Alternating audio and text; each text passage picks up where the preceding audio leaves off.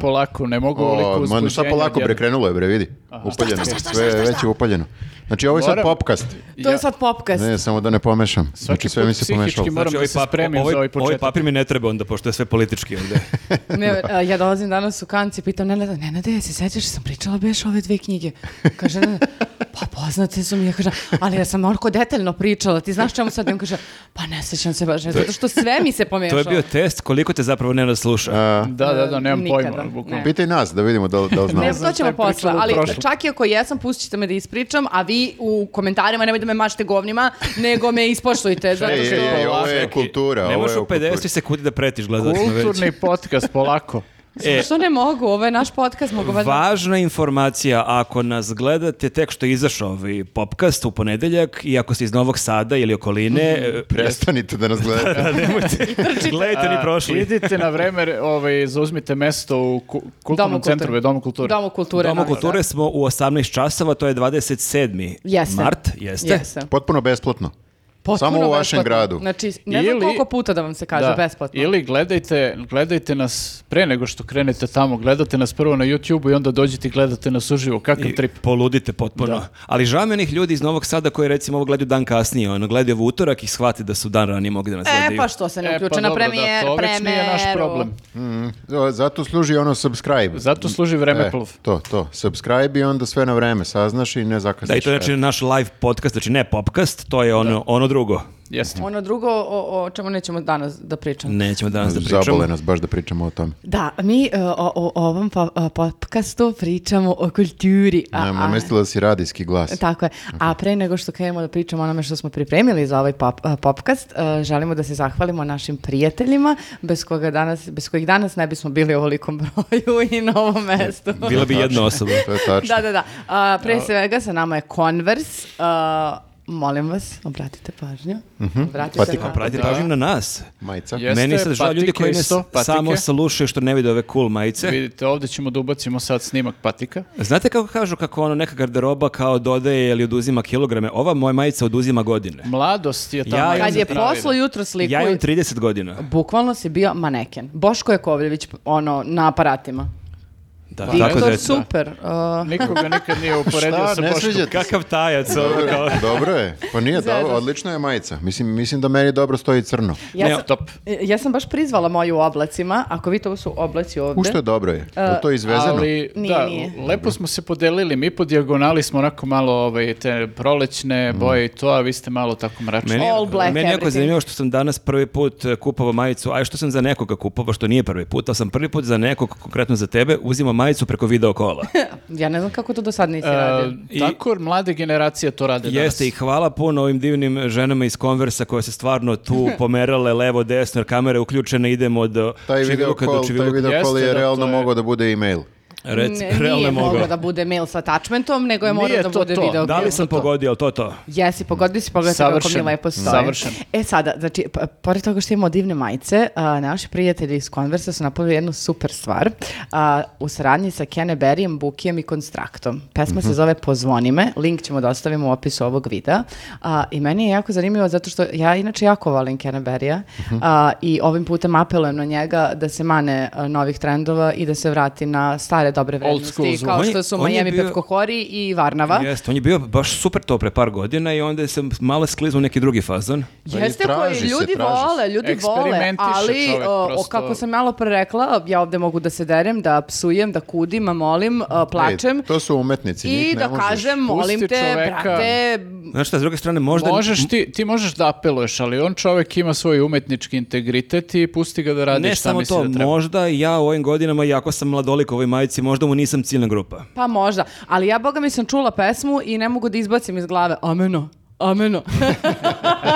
A, I super je zato što su uh, kombinovali neke zvuke koje nisam očekivala kao čuješ tramvaj, čuješ uh, zvuke uh, zvona uh, sa hrama Svetog Save, uh, čuješ malo Pa go, to je onako da gospela. cilj, cilj kampanje je jel te da se duh grada nekako uklopi u Jeste, muziku. jeste. To I je generalno ideja. srpske kulture, a opet da zvuči skroz cool i moderno, meni se... I generalno du- duh kao duhovnost, ameno. A, ka- ameno, kao du, brate. misliš? Duhovno, da, da. E, znam ko je uh, Kene Berry, znam ko je Kostrakta, ko je Buki.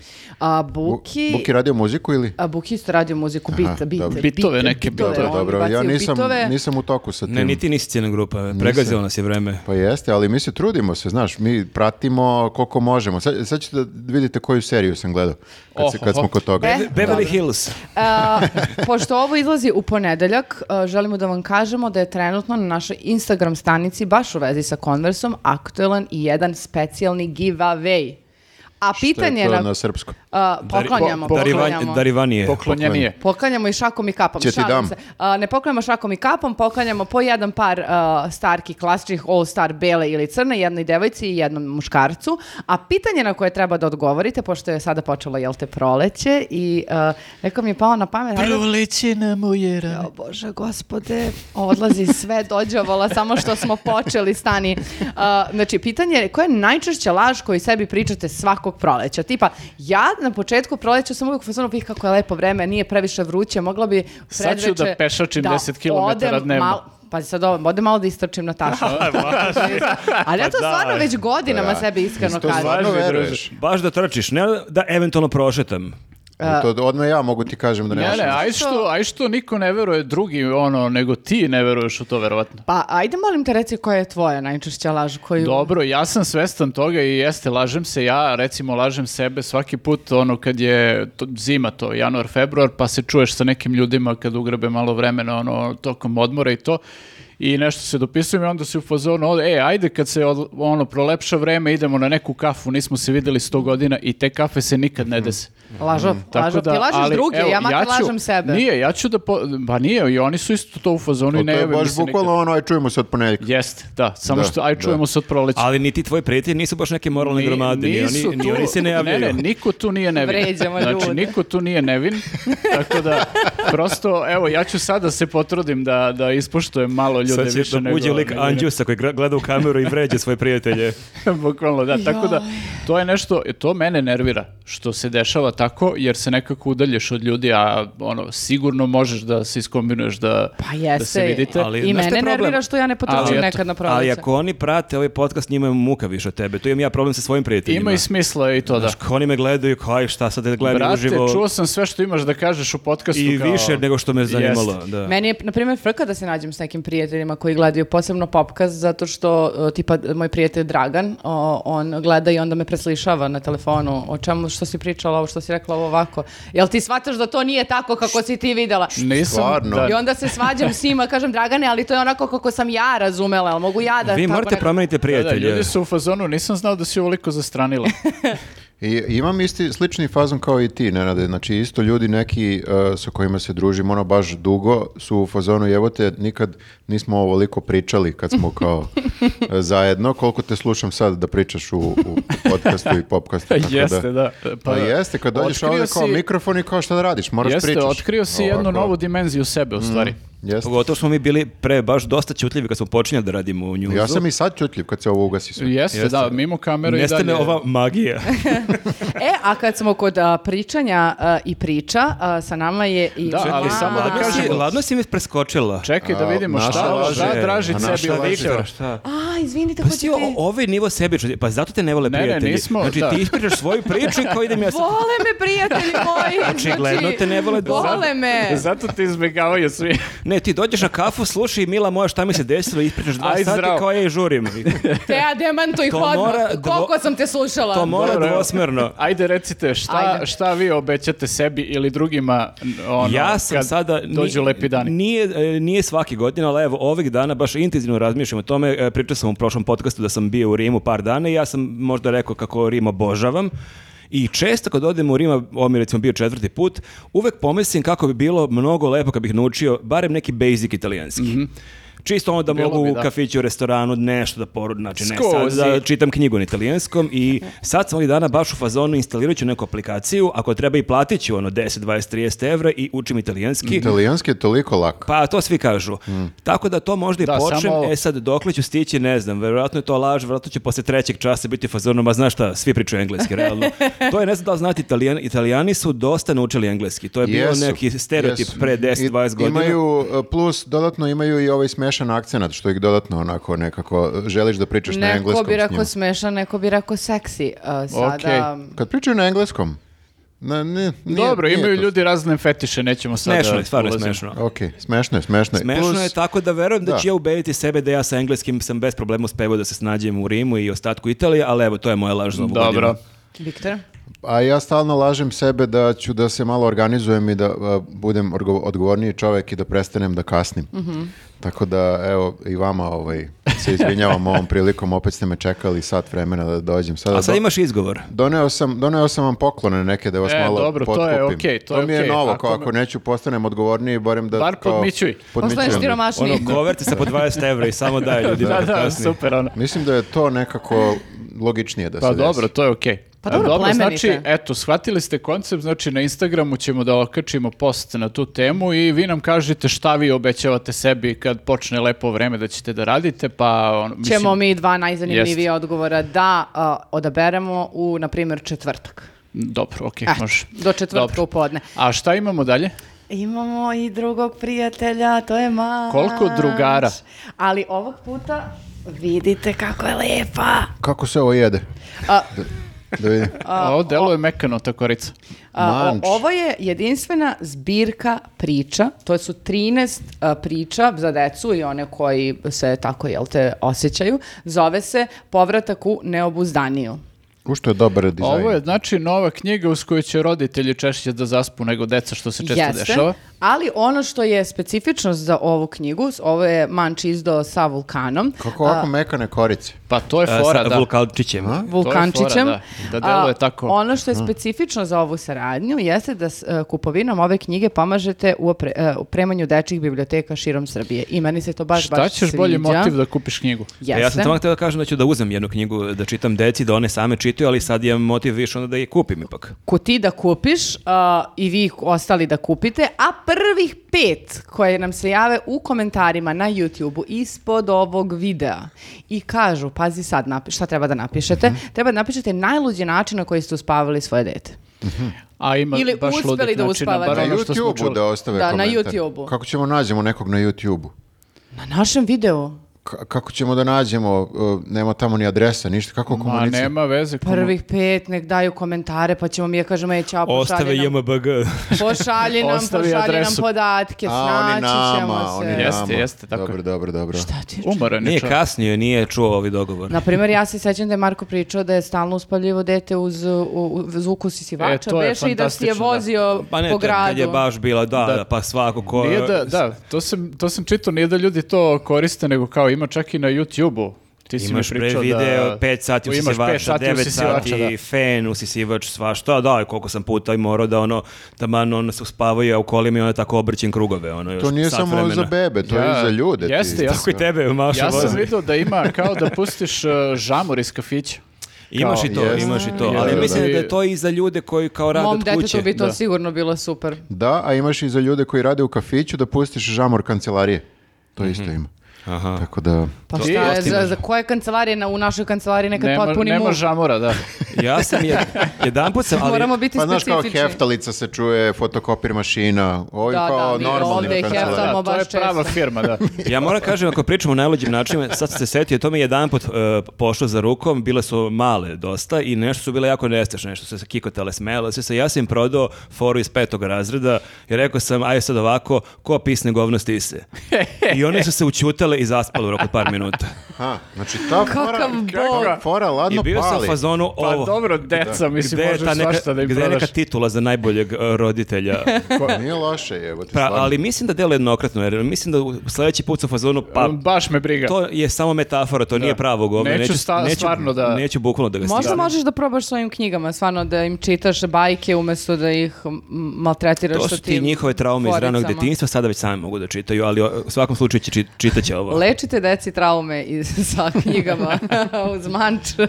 A, dobro.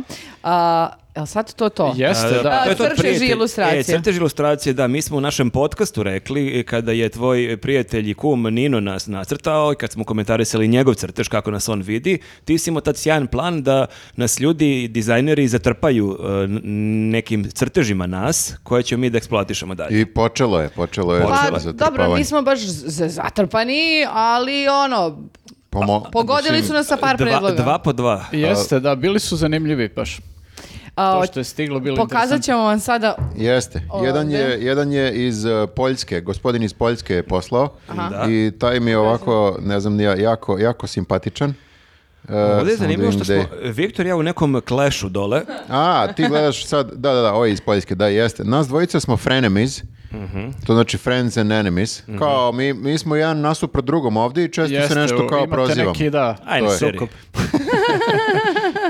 E, Jelisavet, kod Jelisavete piše, nosi knjigu koja piše kako dokazati prijateljima da Kragujevac postoji. To je jako dobra fora. Jeste, to je dobra fora.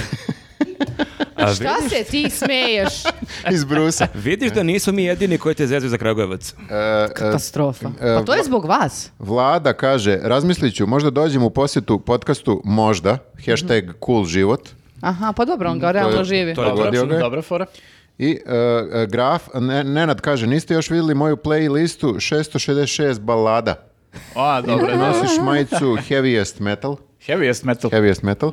I grafa koji kaže Zev se pomozi, ipak smo zajedno išli u predškolsko. Ja mislim da je ovo grafa, najviše liči na njega. je, Porica je najstariji, baš Aha. mnogo. Da, da, Da, da, da, da, dedograf. da, jeste, to je deda graf. I mi ga često zezamo. Ne baš da zna Zevsa, ali tu smo negde. Da je Zeus. učestvovao u ustancima protiv Turaka i slično. Strašno. Tako da hvala, hvala na tome. I e, Mirjana, sećate se Mirjane kad smo bili u Ćupriji, ona je tu bila e, na našoj tada tribini i ona je rekla, poslala nam je crtež, mada crtež nije radila ona, nego je ona prepričavala svojoj ćerki kako ona nas vidi i šta ovda nacrta. I ćerka je To je nacrtala, kao neki da. fotorobot kad ti neko priča otprilike kako ko izgleda i šta ko radi. A, jako simpatičan crtež, mada meni jako smešno ovde, pokazat ćemo i to što sam u prvi mah mislio sam se ja obesio. Onda sam malo bolje pogodio, ja držim, zapravo da. držim medalju sa maratona i hvala puno na tome, ali sam zato bio u fazonu, a što sam se samo ovde ja ubio? Kao, vi svi cool, ne nadiže tegove, ti sa žozom, kao Viktor s bebom, a ja kao, A meni je smešno što je Viktor kao beba mu je negde u garderobi, ovako i samo glava viri. Jeste, ono, jeste. Tako se no- tako se nose slatko, bebe. da. Tako se postoji drugi način da se nosi beba. Naravno. Tako da, hvala puno. I nastavite, nastavite, nastavite da nas nastavite. crtate, šta, I to moram je da lepo. kažem da je Phoebe jako lepo nacrtana, Maja se oduševila kad je videla, baš je ovaj, super kao, mislim, nisam ni primetio u prvi mah, ali posle kad sam vidio oduševio sam se kako je nacrtana. Da i ti si gledao fazonu što je Dražić obešen. Svaka čast, mislim, pogotovo ja koji sam apsolutni duduk za crtanje, O, da. ovaj, mene oduševljava. Ali jako, ja sam zato i tražio, zato što ja jako volim da vidim kad me neko nacrta, a kapiram da svi volite da vidite kad vas neko nacrta. Ipak je tu nepravda, ja znam pouzdano da ti jako lepo crtaš, ti nas nikad nisi crtao. A ne umem toliko dobro. Ajde, nacrtaj nas za sledeći Ajde, put. nacrtat ću. Ne moraš Ajde. ajde za sledeći put, pošto si u obavezama, ali nekad kad imaš vremena... Ne, ajde. moramo da ga Uradi nam ograničimo. neki mural na Dorćolu. Nešto, Ajde. da. Do početka maja.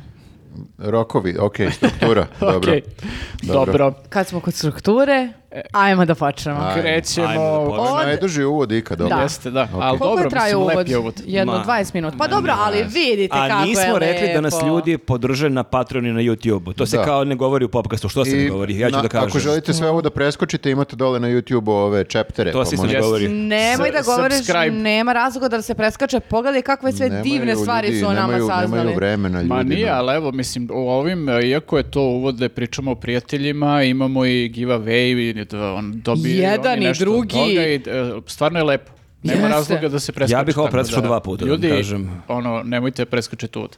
Ja bi se čak prijavila i za najluđi način da kako sam uspavala dete iako nemam dete, ali... Možda lažeš, pazi ovo. Niko ne može dokaze, da dokaže da sam ja stvarno to tako pa ne, uradio. toliko nam je sve lepo i nekako ima smisla i divno je da prosto kreota da se bilo šta preskoči, stvarno. Dobro. E, ajde sad kad sam već postala emotivna da krenemo sa Se serijama. rasplačeš ovde. Da, da, ajde. A, serije. Ja Serije. Uvijek Serije. počinjem od serija. Meni se Jeste. čini da ljudi najviše vole da slušaju o serijama. I tu, ja mislim, kad čitamo one komentare, tu najviše preporuka imamo za serije.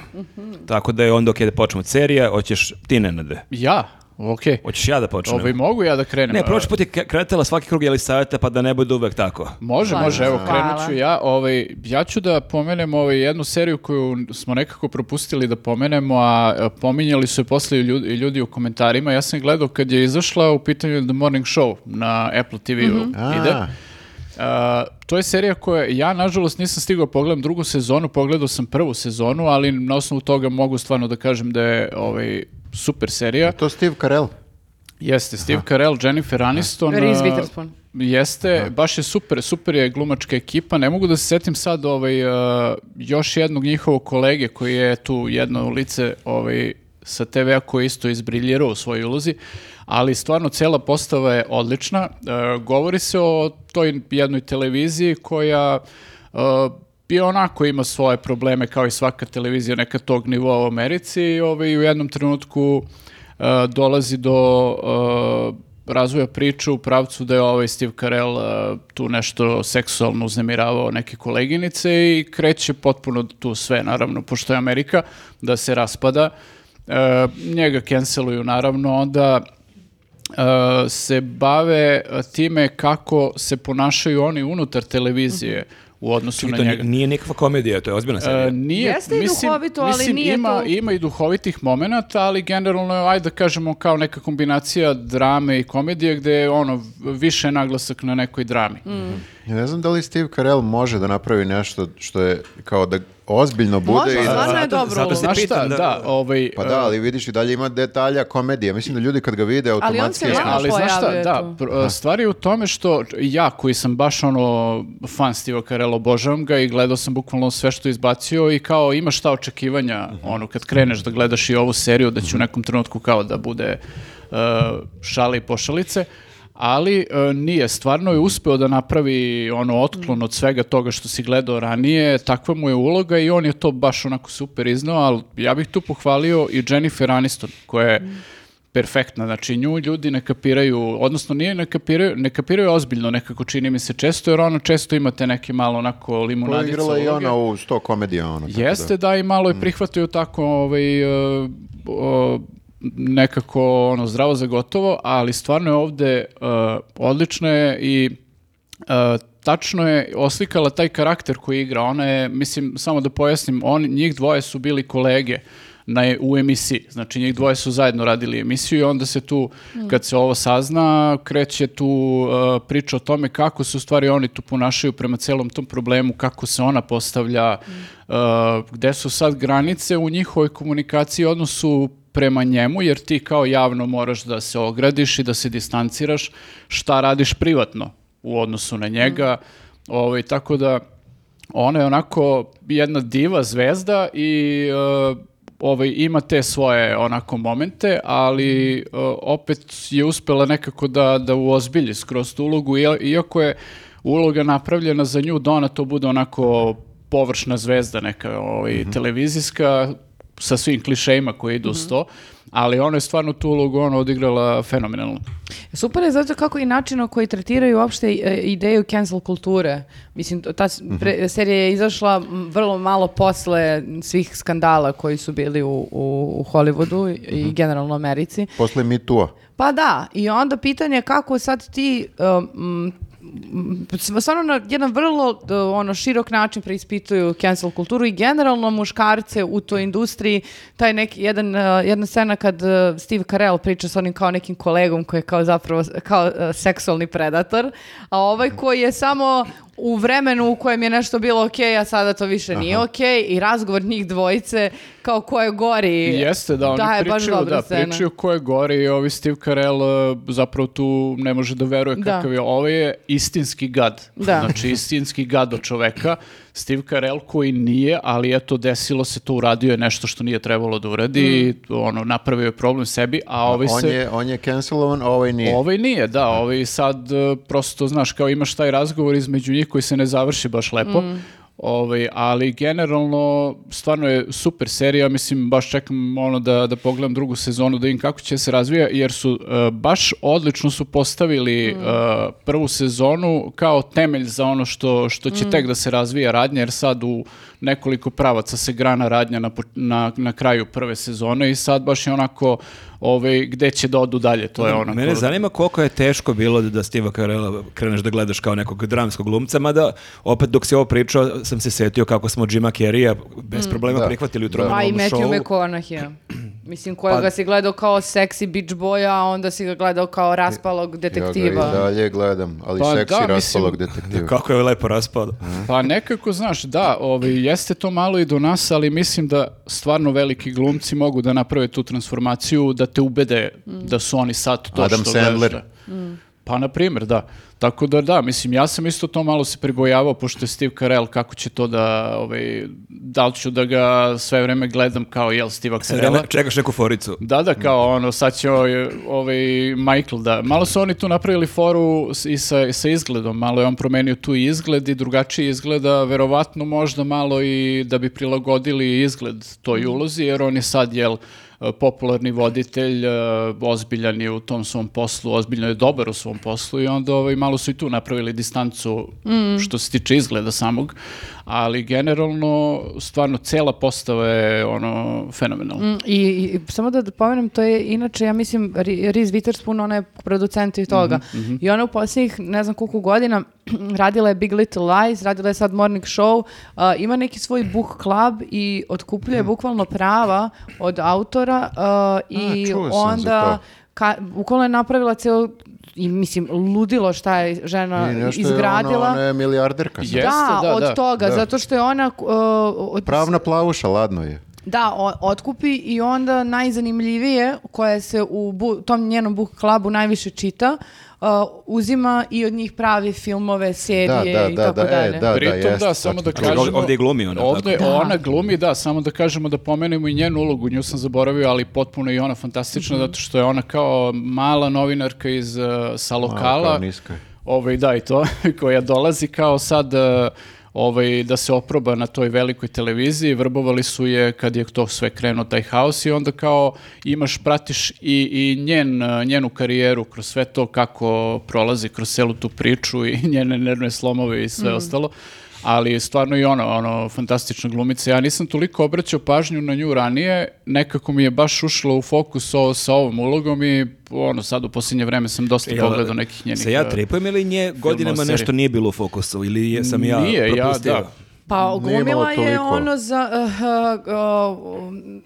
uh, sa Jo- kao uh, žena Johnnya Casha, uh, Judy, jel tako beše? Tad je bila i nešto nominovana Jeste, valjda jeste, za... ali to je bilo pre 10 godina. je Da, bilo to je davno, da. davno. Onda je krenula, ja mislim, više na te uh, serije i prvi, ja mislim, najveći projekat jeste taj Big Little Lies sa Nicole Kidman, Aha, uh, ovom da. Lo- Lorom Dern i još... No, ušla u lovu, bre, sa ovim To knjigama. je inače genijalna serija, tako da ako uh, vam se svidi Morning Show, možete pogledati Big Little Lies, stvarno je... A čekaj, Kao Rijana što je prestala da peva. kad Ili kao, ušla u lovu. kao Gwyneth Paltrow što je postala neka milijarder kao što ima čitavu liniju proizvoda Da, da, raznih. Ovaj, S- da, sveća koje mirišu na njenu... Ima i sveće, ali on ima neki shop, to je neko ludilo šta ona sve radi. Mislim, ja sam slušao nju, ne znam u kom podcastu, baš otprilike, Jeste, svi, misliš kao svi ova... oni uzmu i razgranaju Da, ova kao biznis, da. nestala čime se bavi, čega li živi, kad ono, Ono, međutim... rastura, da. I ova Jennifer, kako se zove? Ova uh, uh, glumica. Garner? Ne, ne, ne. Ni- ne mogu da se sjetim kako se zove. Uglavnom ima liniju onih uh, proizvoda kao, koje su kao spandex, Aha. koje ti prave body shape. Pa jeste da je- Bolji, ona je isto milijarderka Jest, sada. pa i Jessica Alba ima neku liniju Ne, svoje ni- kozmetike i tih stvari. Za ono, bebe, nešto, da, organski tako- za bebe. E, A, nešto. može. ovo je isto nešto... Jessica slično. Alba, na nju sam mislio, Na nju Jennifer. misliš, da, jer Da. ona ima to Ovo su kao... kao neke pijane asocijacije. da, da, neku... Bukvalno sve sam pomešao. Pa okej. ima to prirodna kozmetika i te stvari kao za bebe i to, ali To, da, hoću samo... da vam kažem da to i mi treba da osmislimo nešto, da konačno uđemo u neku Ali ne, lovu. treba Neki neko nas da postane jako poznat i onda s- da samo nestane da ode u nešto 15. Što nismo već kao Ajmo da poznati. ulažemo u, u, u nas. Da, U mene. ne, ne, U ne. mene konkretno. Ne, ne, ne, htjela sam više pošteniju ideju. Ajmo da se iscimamo za sve, sve da krenemo da gradimo priču, ko se prvi zapali i postane planetarno poznat i odvrtno bogat, skuplja ostatak i svi živimo kod careve. Može, dobra ideja. E, Ovi, okej. Svi Uglavnom. se trudimo jedni za druge. Ovo je kao na 20, Dobro, 20 dobro. godina mature. E, ajmo za, za 10 godina ko uspe da povuče nas sa sobom. Ja sam Uglavnom, mislio da, je ovaj, to, da se to podrazumeva. E, izvinite, Nena, da okej. prekidam. e, The Morning Show, znači, e, odlična serija, traju epizode po sat vremena. za dva sata. Dakle, morning show. Slušajte, ovaj, traju epizode po sat vremena, ali stvarno e, nije radnja koja će da vas mori. Ono, gledajte je bez drndanja telefona i ostalog. Stvarno, stvarno ono, treba Ja, da se jeste prati pažljivo i drndanja telefona. super je serija. I evo, sad sam našao, izgooglao sam ovog glumca ovaj, koji mi isto na pameti. E, Billy Crudup se zove. E, fenomenalni lik, on glumi tu jednog od tih e, likova sa televizije i on, njegova uloga je tu kao jel da zastupa, ne znam, upravni odbor, e, akcionare i sve ostalo, ali istovremeno ima kao ovaj e, i jak zaštitnički odnos prema novinarima, prema ljudima koji stvarno stvaraju program i on je često tu negde onako na liniji, malo tamo, malo vamo, ali generalno ovaj, je lik koji kao nemaš tako često takve likove u industriji. E, on je tu onako malo štiti ih od e, odluka menadžmenta jer ovi gledaju samo cifre i ne zanima ih ništa drugo. A on je opet tu malo, ono, ima tu ljudsku stranu, ali pritom Ljudsko je... lice korporacije. Tako je, da, ali stvarno je fenomenalan glumac. Ja sam ga kasnije gledao još nekoliko filmova i, i baš mi je ono neverovatno da ga nisam zakačio ranije, ono, jer stvarno ono, svaku ulogu koju sam pogledao je fantastična. Tako da eto, sve preporuke za, za The Morning A Show. čekaj, Odlično. druga sezona još uvijek nije Druga izašla. serija je izašla, izašla A, je, da, aha. samo što ja nisam stigao da je Da. pogledam, ali ovaj, da, ima druga sezona, ne znam, mislim da je u planu valjda treća.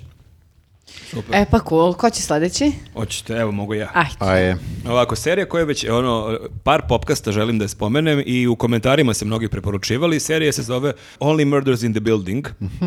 Ne znam da li gledao neko od vas. Ja nisam to... Ne, i- čula sam. Da, čuo sam i pominjali smo je, mislim, možda i, i ovde, ali nisam je Možda pogledao. smo nešto usput, Da, e, usput smo pominjali. je pomenuli. A, pa ja sam pogledao... miniserija? E, nije miniserija, Im- ima je mislim osam epizoda po sezoni, da, mislim da je osam po sezoni, ima dve sezone, mada sam ja sad negde na polovini druge sezone. E, meni je beskreno prijala, e, dakle Steve Martin je noseće lice te serije i kogod je ikad voleo Steva Martina, ne znam ko može da ne voli Steva Martina, nekako, On se nekako podrazumeva. on se podrazumeva i znate šta je još čudno? On Nemaš je, pojma ko je? Znam, ali nisam nešto... Molim, Šta? čekaj, tamo su ti vrati. čekaj, me zezaš? Napusti Ajde. podcast. Ima lik ovako strelu, uh, pa onda sa druge strane mu se nastavlja strela. Najbolje fore ikad. Dobro. Kao da mu je strela probila glavu. Tom, takav mu je šešir, kapiraš? Kapiraš. S jedne strane ide strela, s druge strane izlazi. Ovo je takav generacijski sad šok. Jaz je, jaz je velik. Strašno, da, da. Dakle, Google- okej, googlaš ako- ko je? Ne, ja Ako- znam ko je, ali evo da ne bude Ako da sam... imate manje od 30 godina, Da, znam čoveka, izvini, ako nisam imate ga- manje od 30 godina, blago vama s te strane jer ste mladi, ali s druge strane vi možda ne znate koji je bog Steve Martin i obratite pažnju na ovu seriju i na neke Svira njegove- banjo. To Pokušavam da ti možda ga nije prodam. argument za ljude od 25 godina. Kao ljudi, svi, Dobro, imam ne super... kažem Ali da je dobro, loš lik, treba samo nisam- popularizovati Kao, banjo među dragi mladim klinci, ljudima. jedan cool deka svira banjo, ima strelu u glavi. Mislim da ne zvuči baš kao, wow, kucam odmah. To mi treba. Ne, si opet umoran. Nisam, ne, ne, ne, pokušavam samo da ti prodam Steve'a Martina. Ne, ne, ali ja Sa sam... banjom. Ali, Da, ali znaš kako lepo svira? ne znam si mi ikad veliko razočarala što ti kao Steve Martin, kao... Okej mi, ali nisam sada u fazonu, Pa, "Wow, kakav bolje je car." reći Ne, ne, ne, znam ko je, nego legenda. ok, mi baš je ozbiljna legenda. Ja znam ko je, što da lažem. Pa ti misliš da ja kad klijam glavom da ja stvarno uvek to mislim. Lažem u podcastu, naravno. Ti obmanjuješ Pa javnost. jok, pa pišem za news, ono. White lies, tako se Jeste, zove, jeste. white lies. Elem.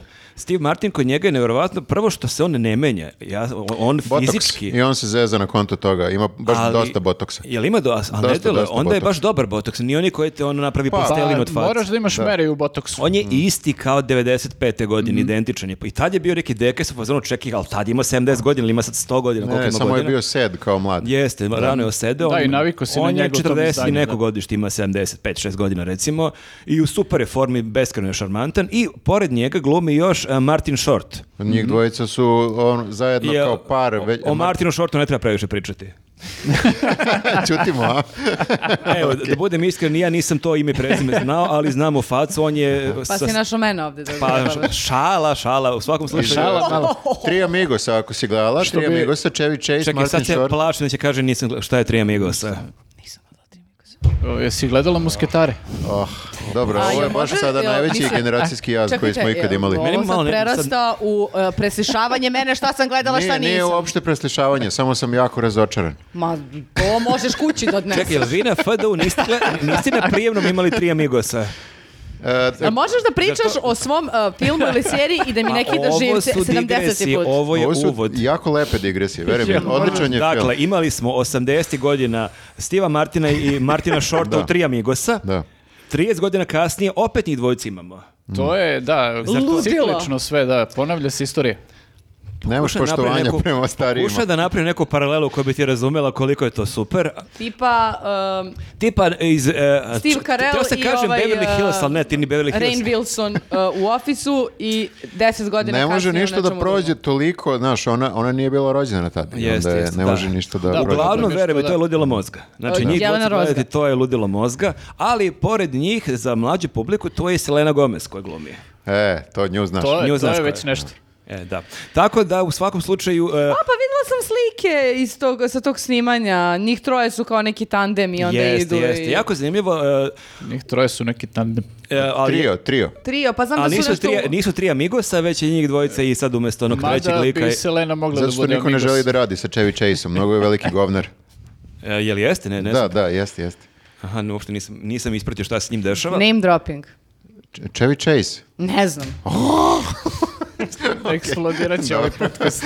Ajmo, ajmo dalje, ljudi. Nisam, ne znam da li... Čekajte, ne možemo da budemo Ne da takvi li ovo- kultur ne, ne, ne, fašisti. ne, nismo Znači, okej je da neko nešto ne zna, ne, ne, nemojte tako da se Ovo je ponašate. naše surovo suočavanje sa našim godinama. Da, da, da, više zbog toga. Nisi ti uncool, nego mi smo matorci Da. kojima je to Jeste, nešto. da, mi smo, to je, mi smo to u je, stvari sad to. boomeri.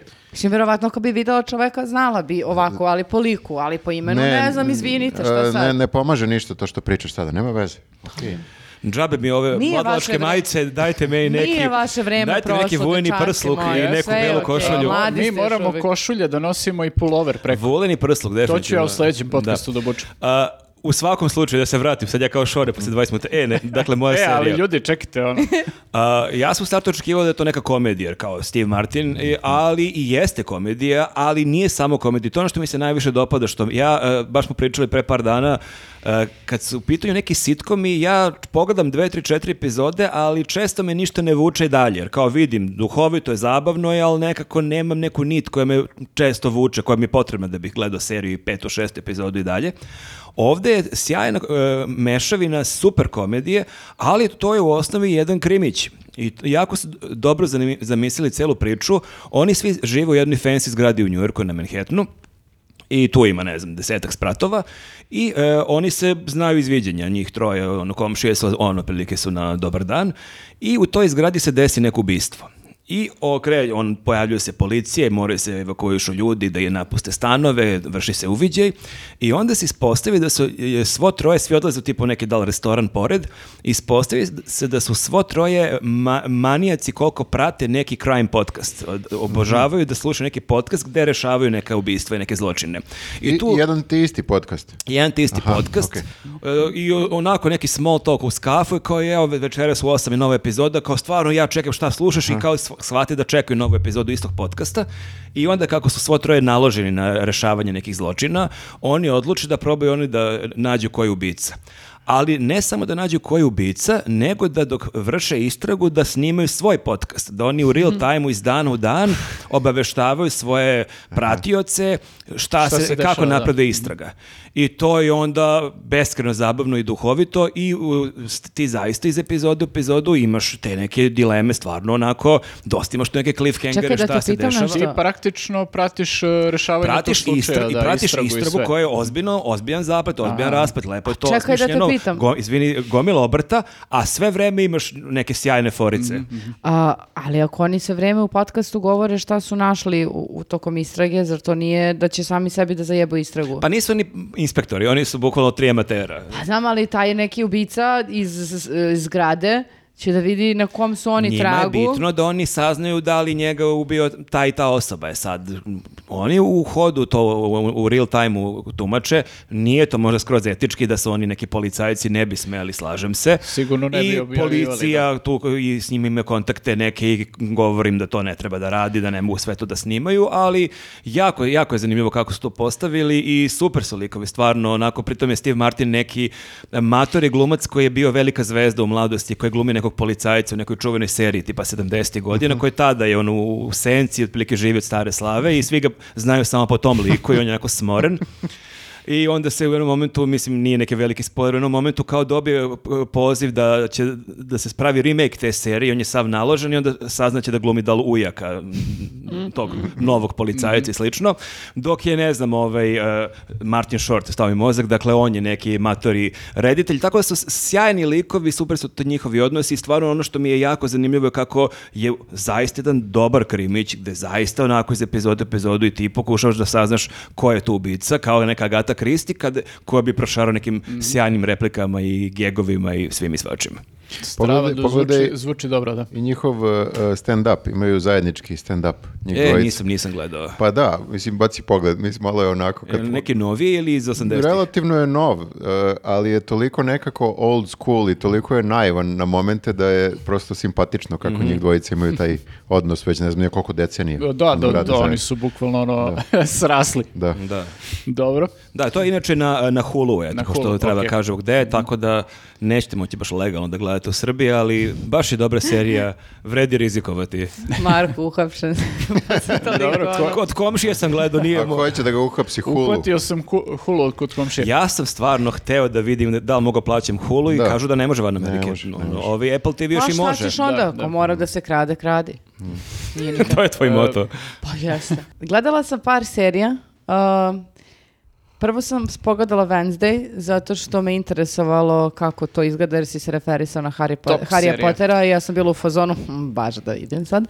Jel- Prva stvar koju mogu da kažem, Da je Harry Potter smešan odnosno na ne, Wednesday. prva stvar koju mogu da kažem, ona serija uopšte nije za decu. Ja sam se toliko Wednesday? uplašila par Pa jesi puta. ti dete? Čega si se uplašila, izvini? Nije to toliko bilo napeto u par navrata. Čekaj, pa nemoj zezaš. Majke moje. gledala, si gledala Adam's Family kad si bila Jesam, mala. ali ovo, ova serija konkretno onako vrlo gradi. Ja moram da pitam, Adams Family, kad smo mi bili klinci, Da. bila je ona e, stara crno-bela na TV politici. Je li bilo među vremenu još nekih Adams Family? Bio je film kad je MC Hammer radio muziku, ali je, li bilo nekih serija između Zar snimljene? nije bio onaj film sa Angelicom Houston? Da, Bio je onaj Da. film što je MC Hammer radio soundtrack 91. druge godine. možda je to to. Aha, a to je bio film, to nije bila serija. A, A, film, film. da, bio išla je film. serija na- kad smo mi bili Jeste, klinci, da, a to je bila crno-bela. iz Da, da, 60. da, godina. jeste, Pa da, da. bio je, da, ja sam, ovaj, mislim, može pričati ovaj dalje, pa ću samo da izgooglam, pošto ima i umeđu vremenu samo Kristina Ricci, ja mislim Da. da, je glumila ona je igrala sa Ne, Angelicom Houston E, u filmu. Ali ona je bila da. sreda, a sad Da, je sreda neko drugi, ova mala, kako se zove? Ortega. Da, Kristina Ricci ima koliko, 50 godina. Jeste, ali Kristina Ricci isto igra, mislim. Da, ne, ne i bi on- to- i ona igra ovdje. Da, nego znam, neću, ne, ne bih htjela previše sadržavam, samo da kažem da definitivno nije za decu. Uh, da je, Spavaš sa upaljenim svetlom Čekaj, tada. kako, uh, Da je meni to je stvarno- tvoj sud ili, ili je stvarno nije za Ja, o, mo- To je njen doživljaj. Da, moj doživljaj. Zato što Pa, deca gledaju Deca masno gledaju, i mada kod Sare u deljenju t- drugi razred ima neke devojčice kojima roditelji ne daju da gleda. Ali... A jel ima ono upozorenje, ono, lupam sada 10 plus. Te, ja se ne zajebavam. To kad se zajebavaju s tim čudovištem i tako dalje, mislim, ti znaš da je to čudovište, Ali to ne izvini, postoji. čekaj, ali, oni Harry Potter Harry imaš... Potteru imaš onog... Jeste, i Harry Potter je tačna doza sekiracije koju ja mogu da podnesem. Znači, Ja pričamo o deci ili o tebi? O ne, meni ne, znaš šta, Aha, razlika je u tome što je tebi kao, a Harry Potter je više fantastika i to je neki nivo ono straha koji ti možeš da podneseš, to je Da, strašna magija, stvari, magija. da.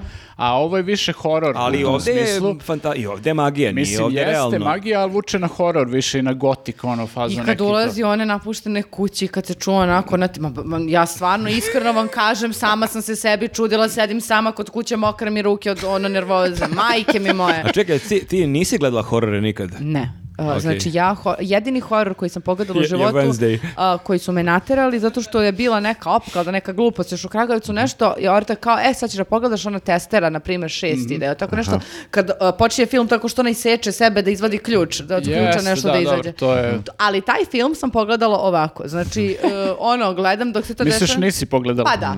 I ne mogu, mene to stvarno mnogo, Dobro, mnogo pa ne, ja razumem to skroz. Ne znam da li mi je teže ovo da ima krvi i sakaćenja ili ovi psihotrileri, e, psiho, to, psihodrame, horori, s- neka senka tu se Meni dešava. to je bilo strašno. To kad nekog, nekog kolje kasapi gadno je naravno, ali nije da me to po, ono nešto proganjalo. ali Ono kad sam bio mlađi, te neki duhovi u snovima, neko, neka Me- sablasna deca, to je ono baš... Pa jeste, zato što nekako, ja stvarno sam vazda nasekirana. Meni uopšte ne treba neko da mi otvara nove dimenzije u glavi za ono e, brige. Pa ne znam, ali vidiš, meni je recimo uh, Wednesday bilo izuzetno zabavno da gledam. Baš mi je onako zabavna serija i super ima tih nekih ono crnohumornih uh, Mhm. fora i ja- jako se brzo sve dešava. I dijalozi su jako Dijalozi dobri, su jako dobri da. i meni je sve to uopšte mi taj uh, horor moment nije bitan nekako, ne znam kako ti objasnim, ono baš mi je ovaj, zabavno da gledam. Živa nisi. Meni je stvarno baš bilo zabavno i pogledala sam za dva, tri dana sve, znači super sve, sve, sve, sve, sve, ali da mi je bilo frka, bilo mi je frka, tako da definitivno nije samo, nije za decu bre, ja ono ne bi smela detetu da puštam,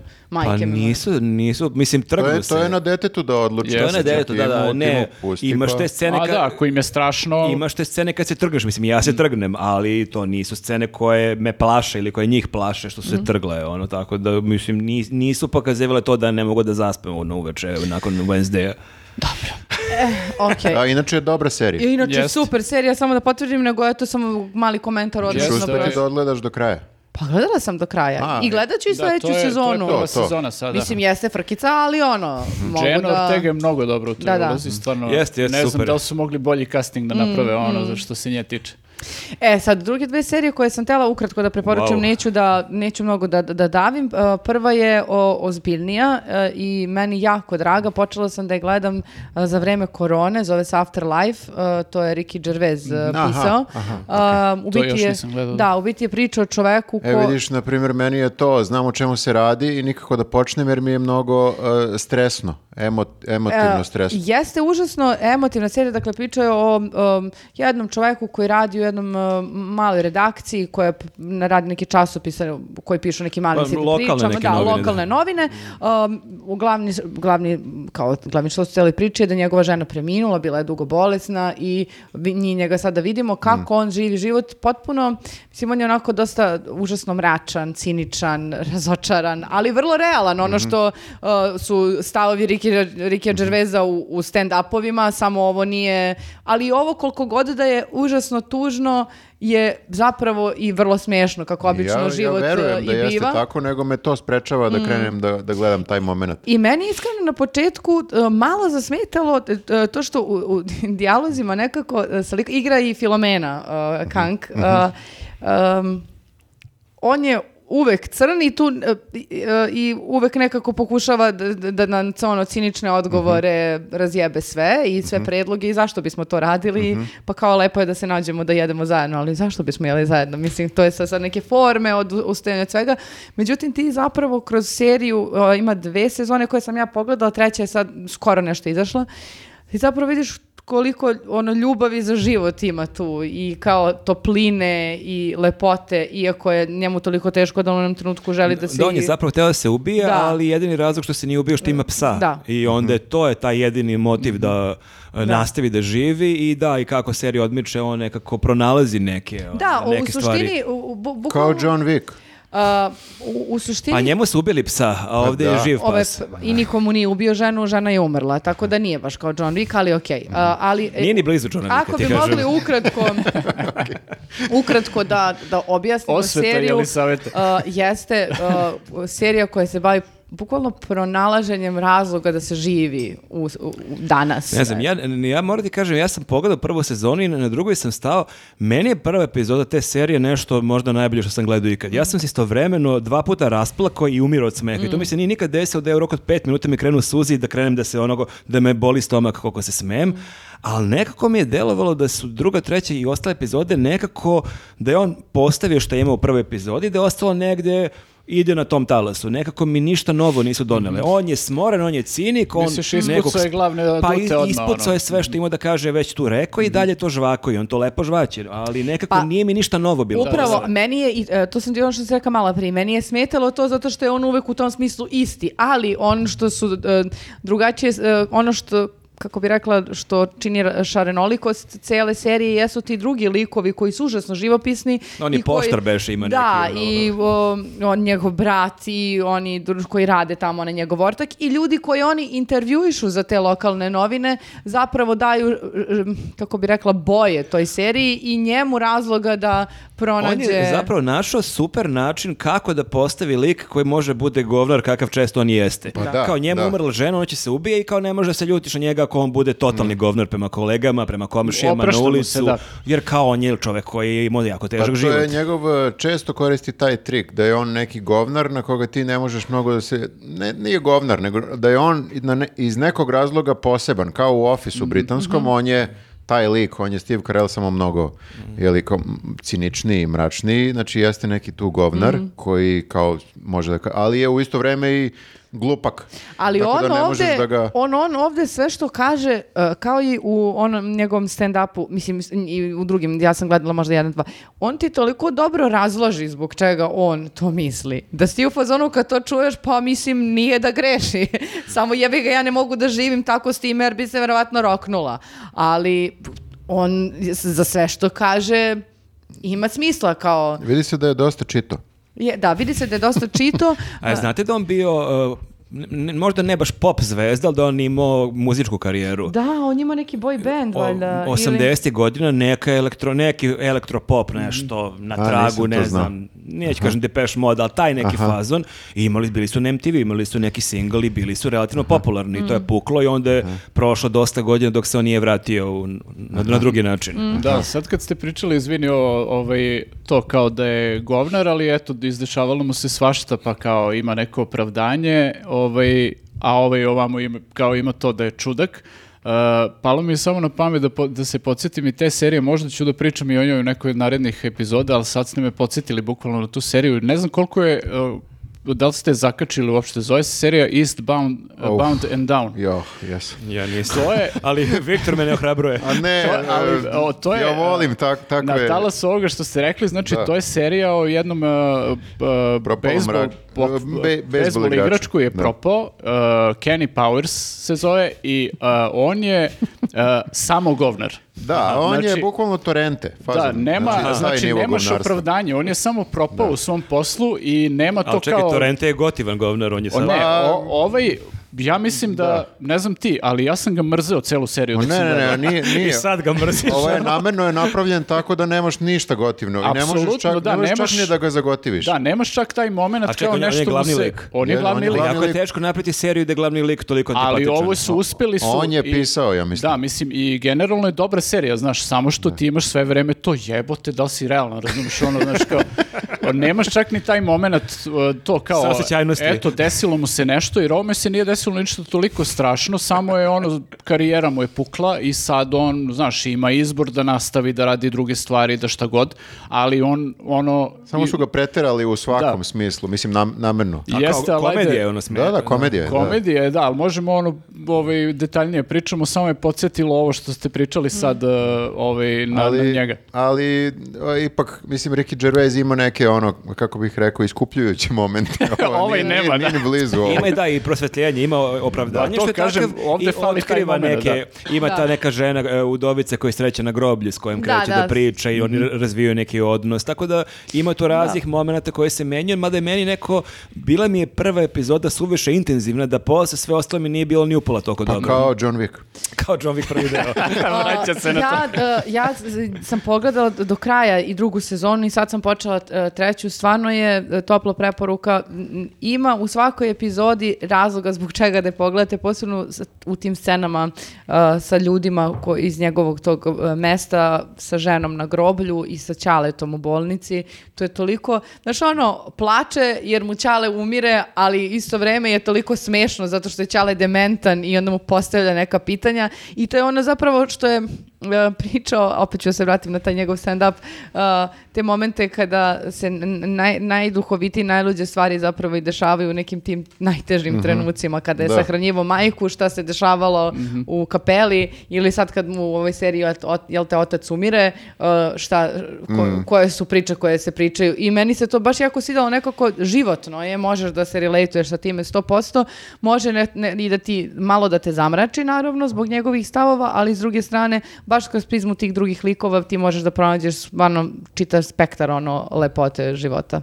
Tako da, eto, topla preporuka što I se to je na Netflixu. Uh, i to je na Netflixu, jeste. I kratko ću samo, e, morala sam pomenem zato što sam shvatila da zapravo postoji dosta serija koje su me nervirala, nastavila sam da ih gledam. A, Ti imaš taj Imam, fazon? imam.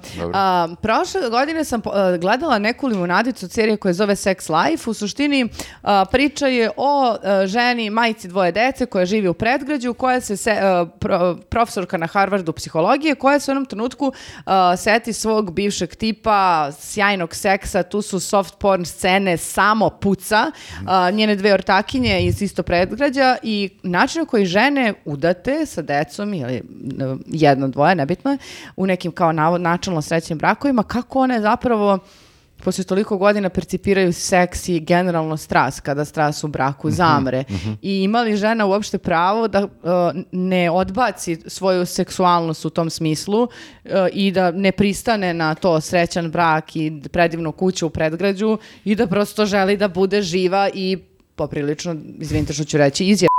A, I a, to, Ali rekla si. ali rekla sam. I ja Ne bi da kažem, Disclaimer ali- ikad.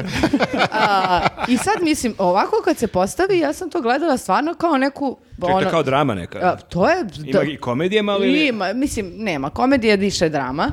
I ja sam to onako gledala vrlo površno i smatrala sam da je serija površna. Međutim, e, nije, izašla, nije je- da to je... izašla je nova sezona i d- druga i ja sam bila u fazonu, jebote, ovo uopšte nije glupo. Mislim, ono jeste postavljeno kao neka, ono, limunada priča. Mislim, ona sedi i mašta o, o, o bivšem jebaču. Mislim, ali uh, i tome šta će, šta će, šta će, šta će. Međutim, A je ona radi nešto ili samo živi u mašti? Ima afere neke? ne smem da spojlujem, ne smem da spojlujem. okej. Znači radi. vidi kon- si da je navučeš. Vidi koliko se kontrolišem. Uh, međutim, u drugoj sezoni zaista se postavlja naš kao pitanje spo- ženske pre svega spoznaje i toga šta ti želiš, čime možeš da živiš, bez čega ne možeš da živiš. Jer tipa kao jedna žena koja kaže, shvatila sam da u stvari nije tačno da ja ne volim seks, samo apsolutno ne volim seks sa svojim Znači, mužem. to je faktički serija koja ništava brak i porodicu.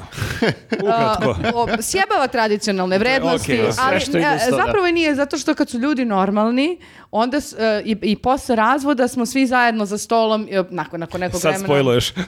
Jeste, malo, a, zato što... teaser.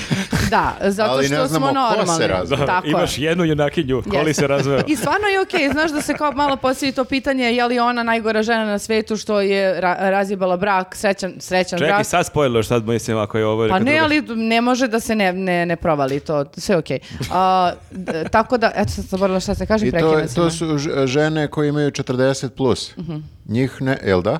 Pa da, ona je glavna a, i ima dve drugarice iz predgrađa i jednu drugaricu koji su završila psihologiju sa njom na Kolumbiji, koja je feminiskinja, ono, solo, riba i tako dalje. I zanimljiv je i njen razvoj od toga da je najbolje biti sama i menjati partnere i tako dalje, do čega njen lik a, na kraju dolazi. Zato što, I svidelo mi se zapravo što nema, a, nije kao otišlo samo u jednu krajnost, pa to sad kao feminizam samo ovo. Ne, nego kao, ne baš, ne, nije to kako zamišljate, nego treba i ovo, treba i, samo treba u stvari spoznati sebe i že- reći šta iskreno želiš. I uništi brak i porodicu. I tradicionalne vrednosti. Ma je, uh, uh, uh, Viktore, pričaš šta je tvoja serija? Šta si gledao, a da nije John Wick? E, gledao, sam, gledao sam domaću seriju. E, ne znam da smo pričali o Ovo je mnogo... prvi do- put da pričamo o ne, Da, nečemu domaćem. domaćih serija, a ovo je serija koju svi znamo i volimo. Znači, to je Južni vetar.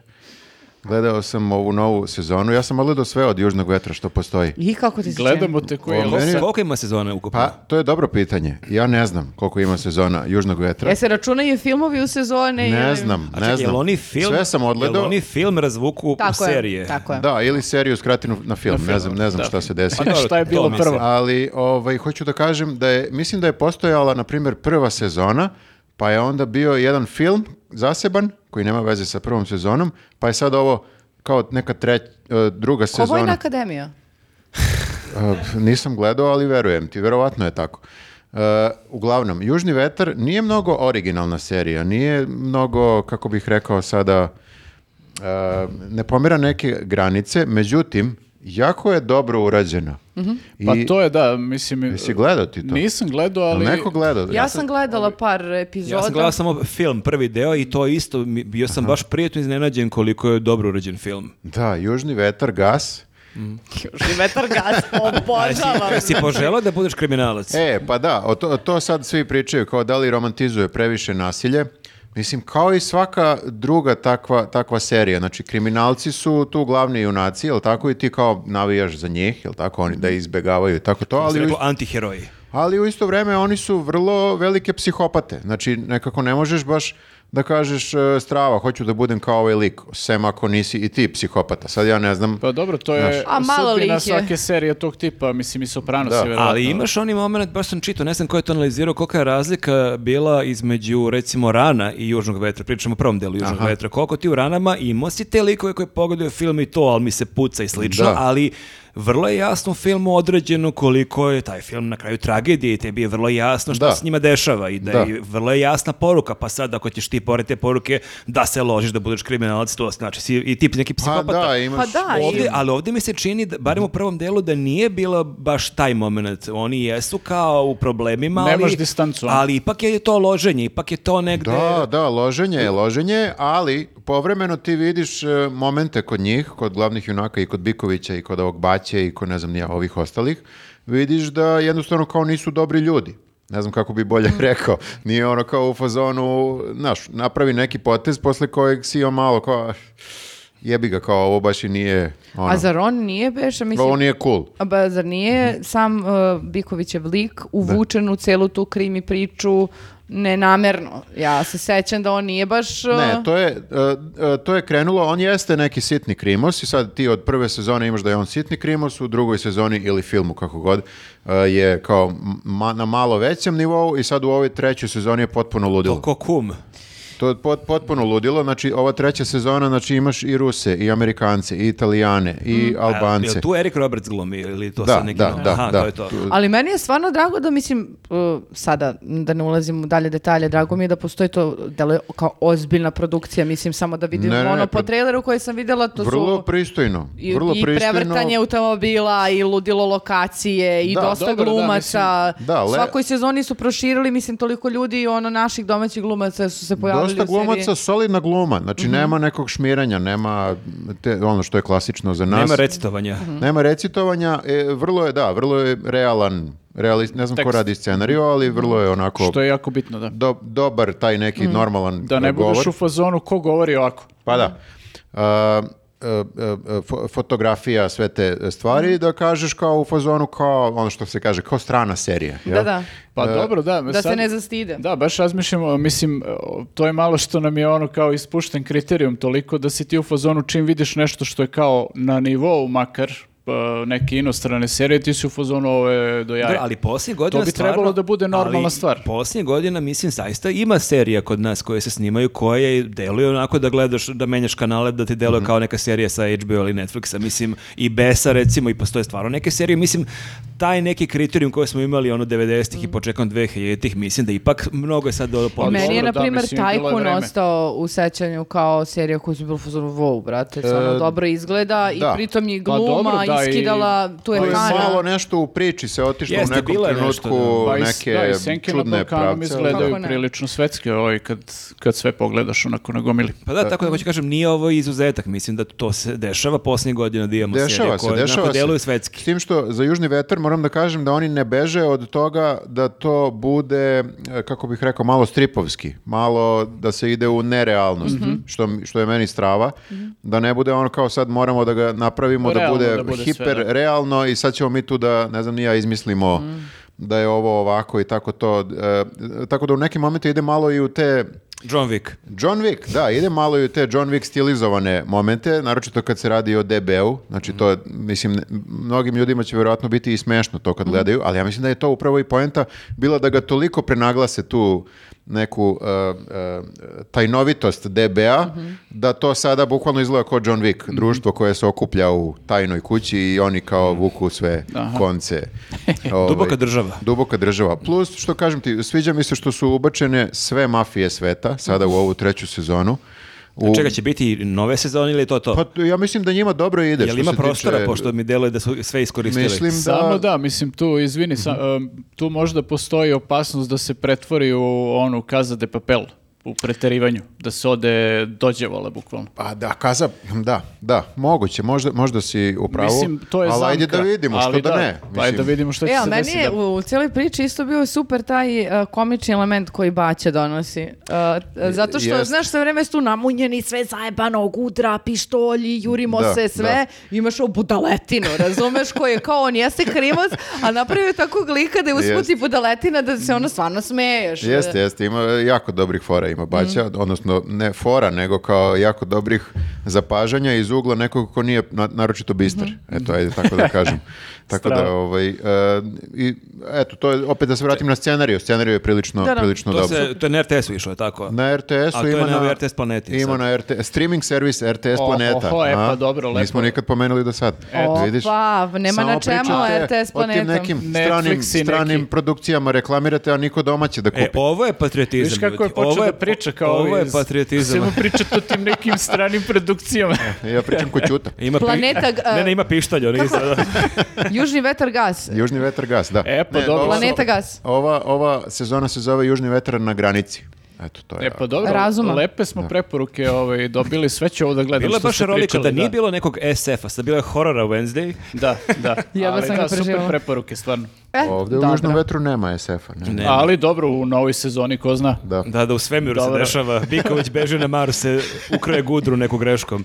Hoćemo na filmove, a? Hoćemo na Ajde. filmove. Hoćeš ti, Nenade, onda. Jesi ti, ajde. ti si u ovom popkastu oni prvi koji otvara krug. Ajde, mogu ja da krenem sa filmovima. Mislim, ja sam pogledao masu nekih filmova, tako se sad ovaj, nekako namestilo. Uh, gledao sam jedan film koji sam pokušavao da ono kao vidim negde da se pojavi na nekom streamingu, međutim na kraju sam ga gledao na televiziji, na Cinestar TV-u.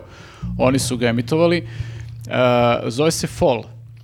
I to je onako prilično kad pogledaš jednostavan zaplet, dve tinejdžerke, influencerke, ovaj, hoće da odu na neki, e, ne znam kako se zove, toranj e, napušteni, televizijski, koji je visok, e, ne znam, 600 metara, duplo je viši od Eiffelove, Eiffelove kule. E, hoće da odu na taj toranj, da se popnu tamo i da naprave neke super snimke, sn- ono, slike i šta god. A sve to rade zapravo uh, zbog toga što je, pošto se oni inače bave nekim kao ono, alpinizmom, planinarenjem i tim stvarima, uh, desilo se da ovaj, su poginuli na, to jest uh, dečko jedno od njih je poginuo na tom planinarenju, ona je posle toga bila u depresiji, ova druga drugarica hoće da je vadi iz te depresije, kao ajde da uradimo nešto, ono, kao da, da izađeš iz toga. I č- neobično je da se zapravo ceo film dešava na tom tornju. To je ono kao, kad ovako kažeš, delo je kao kako tu može da se napravi ono film od toga. Jedan od boljih filmova koji se dešavaju na tornju. Da, da, ali je zapravo ja se ne sjećam kad sam posljednji put gledao film kao što smo imali te neke filmove 90-ih, recimo je bilo dosta takvih nekih avanturističkih ovakvih onakvih filmova gde ti, gde si ono kao da je uspio da ti stvore onaj suspens, ono napetost sve vreme. Na ivici stolice si gledao. Da, da. Bukvalno je to ono kao ovaj, dok smo gledali Maja je u fazonu, ne sjećam se kad sam gledala film da mi se znoje dlanovi sve vreme. Znači, to zbog visine ili? E, zbog svega, znači, jer mislim, neću ništa da pričam, kao one se popnu na taj toranj i tu te kreće ono, ceo zaplet i ludilo Ili i ima bit će, vanzemaljaca? biće nema zvanzemaljaca, ima nekih par e, potpuno neočekivanih obrta, čak i na kraju, e, tako da su ispoštovali i taj moment da nije samo ovaj, e, popele se, ne znam šta se desilo. Slikale se i sišle- sišle da. dole. Nego baš su napravili tu jedan e, jako zanimljiv preokret na kraju. E, tako da je ono kao malo me podsjetilo na te neke filmove koje smo imali prilike često da gledamo 90-ih, takvi su pravljeni ranije dosta, pa je nekako to zamrlo ovaj, i baš je onako ovaj, e, fenomenalan film. Da, dobri, zanimljivi su meni tako ti filmovi koji se dešavaju na jednoj lokaciji. Pogotovo kad Jeste, nekad ne da. svak ideš. Ja se sad, sad setio kad si pričao, Da li iz 2000. film sa Colinom Farrellom telefonska govornica? Ne znam da ste to gledali. Na Isto kao primer, cijel mene- film je da. maltene u govornici ili par koraka ispred. Mene je podsjetilo na to i podsjetilo me ovaj film, ne mogu da se setim kako se zove film, ali ako se sećate filma uh, isto iz 2000-ih kada je isto neki lik išao u pustinju pa je upao u... 27. neku- sat, E, 27. sat. Da. 127. 120. To je bre 127 sati. ovaj uh, James Franco. ove lepe- E, da, da. tako je, tako je, da. Znači, Ja sam- podsjetilo me na atmosferu i na ceo vibe uh, na taj film, samo što u, tu još imaš i taj moment uh, ono, gadnosti kod, uh, zato što je on, ono, ruka mu je povređena A i i sve to. moment istinite priče, ti znaš Da, da, se da. to stvarno desilo, pa ti je Ovo je, dodatno ovo je strašno. bazirano isto na jeste, istinitoj aha. priči. uh, A čekaj, samo je- reci ukratko kako bez spojlovanja koje je zapet, one se popnu i u, gde je problem? One Možda se- kažeš da ne spojluješ. Da, one se popnu i uh, kad, portal su, u drugi svet. kad su se ono kao fotkale i sve to u jednom trenutku se desi da uh, merdevine pomoću kojih su se popele na sam vrh otpadnu. E, okej, taj deo mi nije... Tu stani. Nisam vidio Da. zaplet kao šta one se popele i, šta onda. I onda tu znači one ostaju zarobljene Okej, okej. praktično i Dobro, svašta dobro. se posle dalje dešava, ali baš je onako drži pažnju sve vreme i baš je, baš je dobar film što Meni- se tiče ono, Ja se plašim visine, meni je to baš, ne znam da bih mogao taj film da a, gledam. potpuno fantastičnih kadrova, Ok. znači kad gledaš Znaš kad film, gledaš baš one je onako... na Instagramu, na Twitteru, kad imaš one snimke kad neko vozi bajs ili ne znam, skate pa ima kameru ono, na kacigi pa ti vidiš šta on vidi. Jeste, jeste, baš, da. Mi često nije, ili ono što se pentruje po zgradama. Jeste isto. da to zvu delo je onako jezivo, je ovde baš su se iscimali, pošto jel takav je ono kao setup, prosto iscimali su se da napravi dobre fotografiju, je odlična i iz dobre snimke, ono su napravili baš je onako e, dočarati, ne samo e, njihovu ono tu svu anksioznost i strah i sve, nego ti dočaraju, znaš, da vidiš iz njihove perspektive kako izgleda to mesto na kojem se nalaze, tako da baš je za svaku preporuku. Meni je isto palo na pamet sad kad si pričao to film koji se odvija na jednom mestu, a pritom je bio i samo jedan lik sve vreme u kadru, a, isto možda 2000 i ne znam de, koja je, sigurno ne 2000-ih, ali 2010 10 pa tamo. A, mislim, ja sam gledala na festu film sa Robertom Redfordom. On a, a, nakon nekog, valjda, brodoloma završava na čamcu. Onom na naduvavanje. I ceo film ti gledaš njega na tom žutom čamcu. I to je neverovatno da sad, ja kad, ne znam ni kako sam natrala sebe da da gledam, zato što a priori zvuči onako dosadno. Ja bih ga ti sad, sad tipa gledaš nekog lika na čamcu koji... Starac i more. Starac i more. Ali, Ali ne na gotivom čamcu kao ti što želiš da kupimo čamac. Pa da, ali da, to ne, je... ovo je žuti čamac za spašavanje ili crveni, sad ne mogu ni da se sati nebitno je, ali e, to je toliko živopisno i toliko, pritom on nema s kim da priča, znači on je sam sve vrijeme, Jeste, da, ali ali je ti- drži pažnju Znaš je vreme. bio film tog tipa, isto, ali ne znam kako se zove, ima onaj film neki uh, američki vojnik da li u Iraku što, se, što je u Kovčegu, što je zakopan. I ceo film je on u Kovčegu. O, Jeste, to ne da. bi moglo, e, to ali nema to su, šanse. da, ti survival filmovi, to je zapravo I taj imam, neki... imam još koncept. jedan isti takav, Tom Hardy igra, zove se Locke, ceo se dešava, uh, on, on je na pozivu u kolima i, i vozi. A, E, to, to- sam gledao, to to je super. E, da, je dobar. Isto, Jeste. ako ćemo već, Da, da, smo, ali u to- koliko preporuka. To A? jeste kao fizički, kao imaš ono neki ograničen prostor na kojem se dešava, to ti daje onako u nekom scenarističkom smislu i u pogledu režije, daje ti mnogo mogućnosti da se igraš i da, da svašta nešto smisliš, tako da često budu ti filmovi jako dobri. Tako Kako da, ne, kako ne. I profitabilni, zašto su jeftini. Jeste, budu, ovaj, Budžet filma jedan čamac. ono. da, ovaj je recimo... Koji poslije ti zadržiš. U ovaj su uložili, ja mislim, slagaću sad, ali tipa odnos je, uložili su, ne znam, 2, nešto miliona, zaradili, ne znam, ono, Da, da. 100. Tako da dosta, je dobar dosta je dobro plan, prošao. da, da.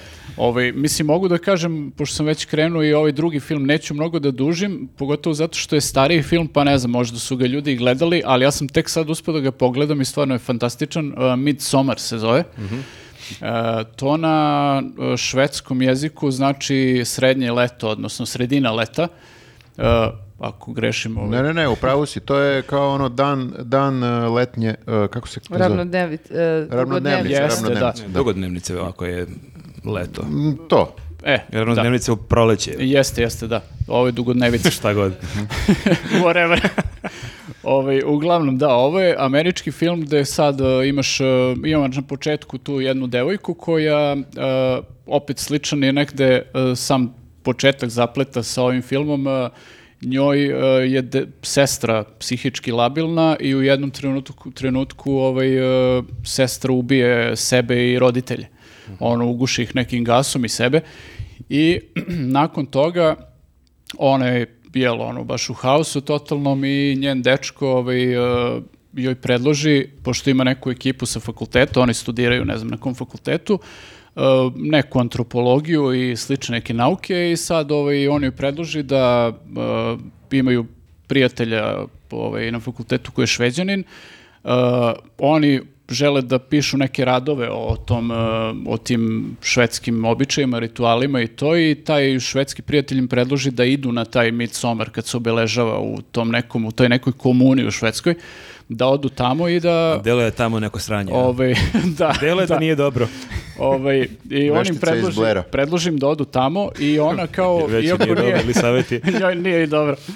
Ovaj, e, ona iako nije u planu prihvati jer kao ako ostane tu... Tu se zajebala. Da. Da. I o, ovaj, krene sa njima i oni dođu tu, tu, to je zapravo neka komuna i oni su tako žive u skladu sa prirodom, svi ti neki ono standardni bullshitovi i e, ovaj, i onda e, dosta traje film, treba će strpljenja da se pogleda, ono tipa dva i po sat, tri, sat, tri sata traje. E, i, ali onako baš grade priču i e, sve vreme se dešava u tom prelepom vremenu, prelepa je priroda i nekako prave ti kontrast sa tim prelepim okruženjem, e, sa svim ono glupost, ono, ne znam kako nazovem, sranjima koje će počnu se dešavaju. I, To je kao ovaj, neki psihotriller onda. to je neki ono psihotriler, ima elemenata nekog horora, ovaj, ali e, praktično, Izgubili smo ili sad? praktično imaš nekoliko stvarno kao ono Strašne strašnih trenutaka. E, jel strašnije Nije od, od to- Wednesday? E, jeste malo. ovaj, Kao i dalje mogu deca da gledaju, ali ne ili sad. Da, uglavnom, više je film, e, više je film jeziv nego što je strašan. Da, da. To je ono, eto, neki, Znači- neki najbolji opis. Da, znači treba se pogledati u svakom Uh, slučaju. Sjajan je film. Znači, ja sam ga nekako, uh, dobio sam gomilu preporuka još pre par godina, on je 2019. izašao i nikako nisam stizao da ga pogledam. To je radio ovaj, uh, isti lik koji je radio, ne mogu, stao mi je mozak, uglavnom stavit ćemo uh, oba ta filma u u ovaj, kako se zove, u, u komentarima. Midsommar pre toga isto radio jedan film koji je ono prilično dobro prošao, a sličan je ono, sličan je fazon. Tako da, tek sam sad uspio da ga pogledam i stvarno se nisam pokajao, ono, odličan film. Super, super. A, ja sam gledao e, film koji sam najavio pre dva popkasta da ću gledati na festu i nisam uspio ga pogledam na samom festu, ali ima ona repriza festa, ono što traje sedam dana kasnije. I To- to Torrent, si stigao, ima da. na torrentu. Im- imam ga na torrentu mesecima, ali sam rekao ne, ovo čekam da gledam u Ovaj bioskopu. čovjek je bre karakter. E, ja, moralna gromada i on se ga onako teatralno obrisao nakon što sam ga Pa kad je orobio hulu, brate, dode makar jedan film da pogleda da plati kartu. Tako je. Tako da e, film se zove Decision to Live. E, kod nas je preveden kao dvostruka prevara na festu, što baš je onako dosta dru- drugačiji, e, Jeste, da. drugačiji prevod. Inače, film je južnokorejski, tako da ne znam ni ta, taj američki naziv da li Možda je... smo I mi u kakav pravu. je južnokorejski novi talas? Pa pobedio je u Kanu, tako da je Jel dobar. bolji od ovog iranskog? uh, E, zna, e, znaš šta, Ir- taj iranski film, za koji se sad tako jako gadno sarkastično, je pobedio na festu, kao najbolji film publiki, znači A, treći šta svetski sad rat. imaš da Mhm. kažeš? ja nemam ništa da kažem, ti Ćutimo. mene jebeš dve godine zbog toga što sam išla da pogledam jedan film. E, nemoj sad ti pusti Wednesday da se od, odsečeš. Dobro. U svakom slučaju, da, Decision to Live, uh, Chan Woo Park je režirao, reditelj Old Boya, ono, stvarno, da. Ne znam, taj film ja mislim, baš sam pokušao, baš sam se prisjetio, jer sam i Old Boya gledao na festu pre skoro 20 godina, mislim da je neka 2004. Koliko peta ima bila. Old Boy? I jako smo matori, Viktore, da, mnogo vremena Koliko vreme prošlo. prođe. Ja ne znam da li sam uh, posle nekog filma bio toliko ono frapiran kao posle Old Boya. E, ovaj film nije takav šok, ali stvarno onako je dosta je blizu tog efekta. Pritom je film uh, jako čudan spoj, onako to mi je negde najzanimljivije, što je on u- u osnovi jeste thriller. Dakle, ima taj moment kao što imaš i u Old Boyu, da neka ta priča koja te vuče, ali je protkan nekom jako lepom ljubavnom pričom i to onako baš neka estetika te ljubavne priče, ako je gledao neko od vas možda ovog uh, Von Karavaj, ovog kineskog reditelja što radio uh, In the Mood for Love i 2046. godina, Niste, niste, Ne, Ja, nisam samo, ja samo John Wick. njegovi filmovi su često bili i na festi, na festivalu autorskog Ja filma. To su jako lepe neke drama, ljubavni filmovi. E, otprilike kao kad bi njih dvojica spojio. Znači, jako Mhm. dobar thriller sa jako divnom ljubavnom pričom, a uz sve to, kao da to nije dovoljno, film ima jako dobar humor na momente. Mhm. I to ovako kad kažeš zvuči kao neki ono bućkuriš, kao da jel, kako možda spojiš i thriller i ljubavnu priču i komediju i to deluje da je neodrživo u teoriji.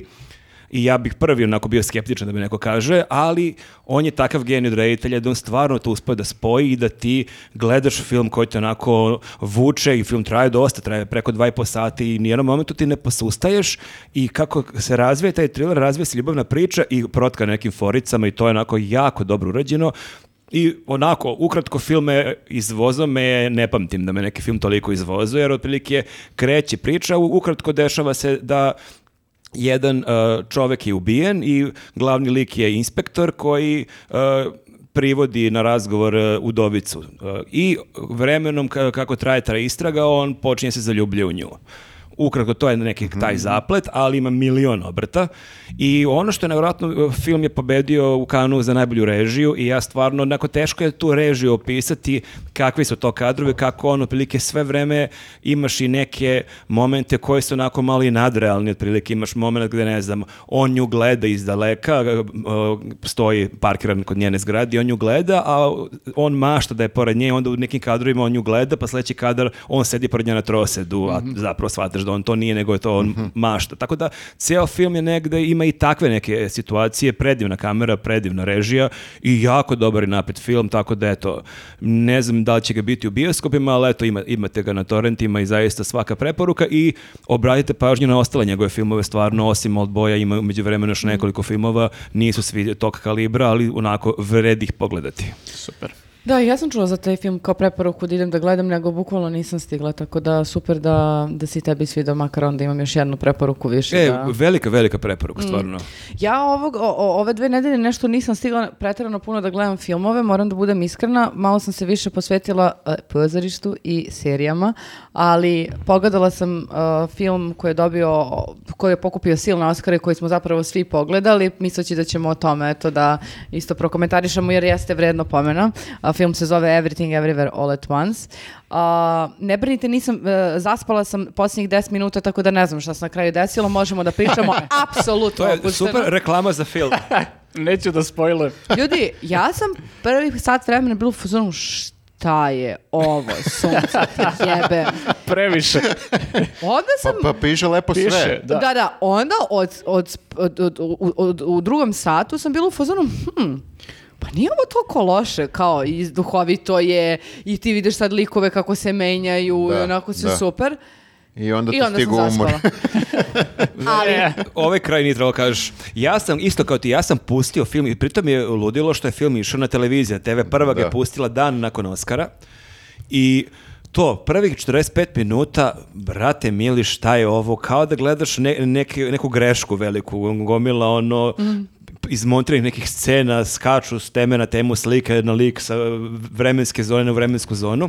I ja sam ugasio, rekao sam, zajebi me ovo. Kad, su, kad se- pojavila ona scena, likovi koji umjesto prsti imaju viršle. da, meni je to bilo super. Zajebi me, brate, viršle umjesto prsti, ja sam ugasio. to ti je bilo, to ti Pa bilo ne, najgore do tad sam mogao da tolerišem, Da, a kad da, sam vidio da. viršle... Brate. A meni je to super, zato što znate da često pričam u kom paralelnom univerzumu može ovo da se desi. Ja sad sam u fazonu, sad ovo više stvarno postoje sigurno svi paralelni univerzumi. Jeste, da. I uh, meni, uh, meni se dopalo, za na početku nisam bila, ova glumica koja, uh, ova Stefani Cu, koja glumi Cu, u stvari Mhm. koja glumi čerku, uh, ove žene, glavne junakinje, ja sam na početku bila, što je pravo malo Volko Šmira i kao, baš sam bila ne, ne, do- ne dopada mi se. Da bi onda u drugom satu bilo u fazonu kakva glumičetina, sunce ti poljubim. Ja Baš sam onda nastavio, znači ja sam ugasio film onako ozlojeđen i došao sam onda na posao i Nela me pitao koja je si gledao film, ja rekao brate nisam mogao, ne ne ne, treba pogledaš. Izdrži, izdrži legendu. legendu, samo budi fokusiran. Ja sam rekao, ok, ako mi ovaj čovjek garantuje, a kad je Nenad dao lošu preporuku osim za muziku, ja sam onda bio fazonu sutradan, ti to možeš i da, stvarno izgurao sam ga celog. Ja nisam nešto pao u nesvest, ali film film daleko toga da je neka glupost kao što mi je delovao na tokom Ne, ne, pola ne, sata. nije. Zaista ima sjajnih jeste znali unapred o čemu se radi, kao ne, ono... Nisam tela ništa da spoilujem, da, samo pa sam pustila. jeste to, kao kad, ako ga ne gledaš fokusirano, deluće, delovaće ti kao nabacano sve na gomilu ono, i svašta što kao ne možeš da povežeš jedno sa drugim, Mm. ali to, kao ako gledaš ono pažljivo, sve ti to lepo ide, znaš, povezano jedno s drugim. To i- imaš o- om- omaž raznim filmovima. Imaš ima, ne samo fu filmovima, nego i- imaš i omaž e, popularnoj kulturi na, na tone, znači gomila referenci na razne stvari, na, na ono društvene mreže, na ovo, na ono. Ovaj, meni je tu najzabavniji bio taj moment što ovaj, e, da bi se kao, jel, prebacivali iz jednog u drugi univerzum, moraju da urade svaki put nešto jako glupo i to jako glupo je svaki Glupo put... i neočekivano, Da, da. svaki put je različito i tu im je baš dalo prostora da se razmašu i razmahali su. Ja neću sad isto da spojlujem, ali ima jedan moment u tom drugom satu pred kraj filma gde si u fazonu, ma daj, brate, da li je realno da ste ovo uradili? Mislim da je čak i to, taj moment prebacivanja na taj neki neočekivani način, e, omaž e, autostoperskom vodiču kroz E, galaksiju, moguće, gde imaš da. onaj brod koji radi na sistem e, neverovatnoće ili zaboravio Jeste, sam jeste, koji je. da. Da, da, više nisam o tome razmišljao, moguće, pa apsolutno. moguće. E, Jeste, ali i, ovaj, opet, e, kao što mi je ovaj Fall vratio malo taj vibe, ono, uz, ono napetog filma, ovo mi je vratilo ono isto vibe tih nekih filmova koji su kao e, samo je zabava svrha, znaš, kao samo su ultra Ali zabavni na, E, pa jeste, na što- kraju ima divnu poruku, Ima nije le- samo da, zabava. Da, ima sjajnu poruku na kraju, ali e, sve vreme onako šamaranje, razumeš, i bukvalno je... Jeste, zato što ja sam primetila, i to mi je kao na početku zasmetalo, onda sam bila u fazonu, pa dobro, okej, ovo, je, ovo je taj, kako bi rekla, jezik, to je taj stil. Um, zato što ti gledaš konstantno te scene tuča, mislim, e, koje su same po sebi senzacija, ali same, kako bi rekla, radnje nema puno. Znači, ti imaš nju koja beži kroz ovaj prostor, prvi deo filma, pa posle sa čerkom i sa, i sa mužem, ali ključne scene su zapravo scene tuča. I Jeste, kao, da, da. ba, aj, dobro, kad skapira, a pritom onda razmislim, jebote, ova žena se ba- baš si iscimala da onako, mislim, oj, ne, baš se pitam da li je ona, uh, da li je imala dublera, uh, dublerku ili je sama sim- e, snimala one borilačke Pa scene. ne znam, ne znam, da, moguće da je bio i dubler neki u nekim, zato što ima nekih stvarno sumanutih scena, tako da ne verujem da je baš sve mogla sama Ja da moram izvede. da kažem, imao sam sličan e, kao i vi utisak na početku, kao u fazonu gledam i kao ne verujem šta se dešava. Isto nisam znao. Ni- mislim, znao sam na, na osnovu trailera, pogledao sam trailer i onda na osnovu trailera sam mrvicu toga skapirao kao o čemu je. I- Ja sam iako- imao, samo sam imao informaciju da- kao kineski Matrix, to, sam, to je bila jedna A, ja nisam- informacija, ja ali nisam to ni to, opet nisam ti ni jako to, šta da. ti govori kineski Matrix. Baš Da. nije ni to referent. Nije Pa, baš, da. pa pazi, Jeste ima, ima i malo, omaž ali- Matrixu kada se prebace u onaj svet i svi su sa nekim naočarima, Da, da, da, ali ne znam da li ste primetili, mislim, to mi je e, zapravo kad pogledam na kraju filma koliko mi je super taj moment da u jednom trenutku shvatiš da je reditelja baš briga šta ćeš ti da misliš o, o filmu. Znači nema nikakvog poštovanja prema gledaocu. Ne zanima što mi je da. super. Kao u fazonu, ja ću sad da ga napravim sa viršlama i sa, sa svim. I čak taj moment sa Matrixom, e, ti vidiš koliko je namerno, pretpostavljam, jeftino urađen, iako je ceo film jako skup, sve ostalo je skupo. Da, ali ono je, i- oni kadrovi su baš kao... Ono je baš kao bukvalno kineske lampice za jelku. Jeste, Samo što da. ne vidiš i kao to bi trebalo da predstavlja Matrix, jeli. Tako da, super su mi ti momenti gde vidiš da se zeza i na svoj račun i na račun gledalaca i na račun z- sve- svega bukvalno, a ima zapravo jaku, jaku poentu i ima, ima dobru priču. Jeste, ima Pa da. generalno Da. dobru priču i meni se sviđa. Ja prvi put kad sam vidio poster, e, meni je to bilo baš neodoljiva referenca na video igre iz 90-ih, one automate i to i zapravo film je negde pomalo napravljen i ima i omaška tome, zato što ti često u igricama imaš takva ludila, ono, prebacivanje iz dimenziju u dimenziju, neverovatne neke stvari i oni su čak i poster malo napravili na tu foru, bukvalno kao da sam video poster za neku novu Sega igricu, tipa, ono, pos- 90. i 2000. ono, tako Pa da, A i znači to imaš to ludilo sa jedne strane u kontrastu sa ono najobičnijim životom Pa s druge jeste, e, meni se svidio e, i svidilo zato što sam bila u fazonu, aha, pa to je u stvari o odnosu majka ćerka, pa A i onda kao, odgledaj ti to aha, do kraja. Pa kao odnos kao žene, kao ona u srednjim godinama, pa on, jer ti kad vidiš ono ludilo, ali mi je su- super kako su te... e, monolo- e, kombinovali te bo- borilačke scene sa tim monolozima u kojem se smenjuju kadrovi ono kako razmišlja o sebi, svom životu, detetu i tako dalje. To mi se ono, na kraju mi se stvarno dopalo, ali ljudi, znaš, znači, uh, nisam Nemoj da spojluješ. Neću, neću, nisam smela da vratim kraj. Uh, tela sam ponesem komp u krevet pa da kao završim film. Zato što ovako ustajem i ona, e, kao ajde sad ću da, da zaspim i uzimam ovako da sipam vodu i samo ovako eksplodira valjda pritisak u vodi i ja se ovako cimnem i skoči mi pritisak. I, I vidiš da imaš virša umjesto prstiju. I budem u fazonu, sad krećem i ovako ulazim u, u, u spavaću sobu i ovako kreće uh, da mi se pomera biljka zato što sam bacila jastuk, ali ja tako sanjiva, to nisam bila. Ti si ušla u I drugu ovako dimenziju. ležim i razmišljam, Jel ovo sad- sunce ti jebe me, ali ovako izgleda ulazak u drugu dimenziju, ja bukvalno dva, tri minuta nisam mogla se smiriti, znate koliko mi je srce bilo. Jer valjda samo su mi ti kadrovi bili pred Čekaj, ti si očima. baš imala jako intenzivne dve nedelje, Wednesday pa ovo. Vrlo zanimljiv doživljaj film. Pa da, ne, znaš, nikad mi se ne desi baš toliko da se istripujem od filma, ali valjda kako su, sam ja dre, dremuckala na kraju uz te brze kadrove koji se smenjuju sa sve njima koji onako rade, mene kako je ta voda ošinula pa sam se ja cimnula, bila sam u fazonu gotovo je ušla Gotovo je, završih u ripnju. Mhm. Da, da, e, zaista ako malkice e, ti odluta pažnje na minut, dva, potpuno se pogubiš. Je- Pa jeste, da, s te strane zahtevano ako moraš da pratiš da bi kao pohvatao Meni je, sve. meni je super te neki omaž, ja sad kapiram da to mogu da se neke ono disertacije napišu koje kadr, koje scene je omaž kom filmu, ali sam ja prepoznao uh, omaž jednom kung fu filmu, ima ova scena, uh, stavi moze kako se zove što dobila o- Oscar za sporednu ulogu. A, Jamie Lee Curtis. E, da. Ona ih gađa nečima, baca nešto na njih i je, da li je neko od vas kao klinac gledao taj uh, kung fu film? E, ta scena poznata. Bio je jedan kung fu film, nemam pojma kako se zove, ali to je bila moja trauma, onako kad sam bio klinac. Neki, to je vjerojatno neki legendarni kung fu film, neki je mator i slep je čovek, ima onako dugo kosi bradicu i on je slep i on sa sobom ima nešto što je maltene kao, kao neki usisivač na nekom federu, ako bih tako pisao. Mislim, nije. Unutra su neke e, testere i on kako čuje zvuk, on to baci kao neki feder i to e, te ščepa za glavu i odsečeti glavu, otkinuti glavu jer ima nože unutra. I on to tako baca non stop na ljude. I meni je to bila tako strašna scena. Ja sam taj film gledao kad sam, ne znam, 10-11 godina. Meni je to onako godinama bilo kao fuck, ovo je baš, baš jako, jako strašna smrt i nisam se tog filma setio 40 godina. Malo I sad. I vidim ovdje kao, ja, pa to je omaš tom liku definitivno. Tako da je... A, ne, nisam gledao taj. Ali to je, vidiš koliko može stvari zapravo da Ma prepoznaš to je u ovom neka filmu. C, C kategorija, ali to je, mi smo neki... da Verovatno je legendarni neki. Pa to je Da. početkom 90-ih, ja mislim da je na trećem kanalu išlo tipa subotom Mhm. su išli kung fu filmovi i to sam ukačio u nekom momentu, ali, ali mogu misliti koliko ima još takvih nekih Ima naravno, omaža. da.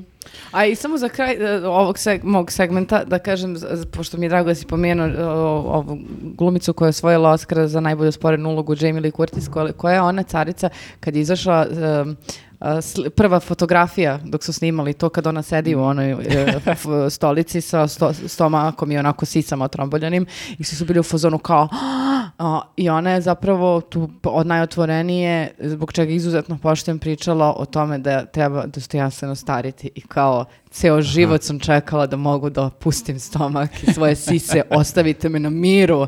Kao nema, vi zajebite me više, kao da ovako izgledam ja to je to. stara, ovo su bore, ja imam toliko i toliko godina, šta se čudite budale, ono, kao čudno je da ako to Ona je, ca- nemam, ona je carica definitivno, ali ja moram da priznam da mi njena uloga baš nije za Oscara. Mislim, ništa mi tu nije ona odglumila, bog zna šta. Jo, meni je super, Stvarno, ona. Ne A, znam. da, ja sad- mišljenja. Pa i oni, kli, i oni što- klinac iz Indiana Jones i njegov lik, niko bi od glumaca nije toliko bio wow da osvoje tolike Oscare za glumu. Ok, ceo film i montaža i sve to. O, ja sam skroz propustio Oscara, nemam Da, pojma ja ništa isto, ne znam sad kakva je generalno bila ponuda, pa kao možda Ne je znam stvarno bilo najbolje. Jamie Ne, možda je bilo najbolje, ali nisam pogledao film pa da kažem, o, da, Da, ova da, da. uloga, ono, prodrmala me. Ja bi preglasala za um, ovog iz After Sana da dobije glavnu ulogu mušku nego ovaj čovjek. To je Ali vjerojatno neki frajer, a? Ja ne znam uopšte. ne samo dobar frajer. Ali frajer, Dobro, na prvo mesto... što mene pitam. Ne, tako ja sam rekla. objektivna u ovom slučaju, on je objektivno opasna A pričamo o ženskoj sporednoj ulozi. ka- Kako smo sad Muškarac je do- dobio, za nije Ali- muškarac dobio. E, Ne, ali ja mislim da za ne, sporednu, ovaj ne, ne, da, za Brendan. Fraser je dobio, a ovaj za sporednu ulogu. Da. dobio, A, Da, da. nema više muško-žensko. Ima, ima. Ima, bre. A, okej, okej. Ne znam, Oscar pitam- za- možda su ulogu. uveli, otko znam. Što, Dobro. što ne bi bilo, da. Dobro.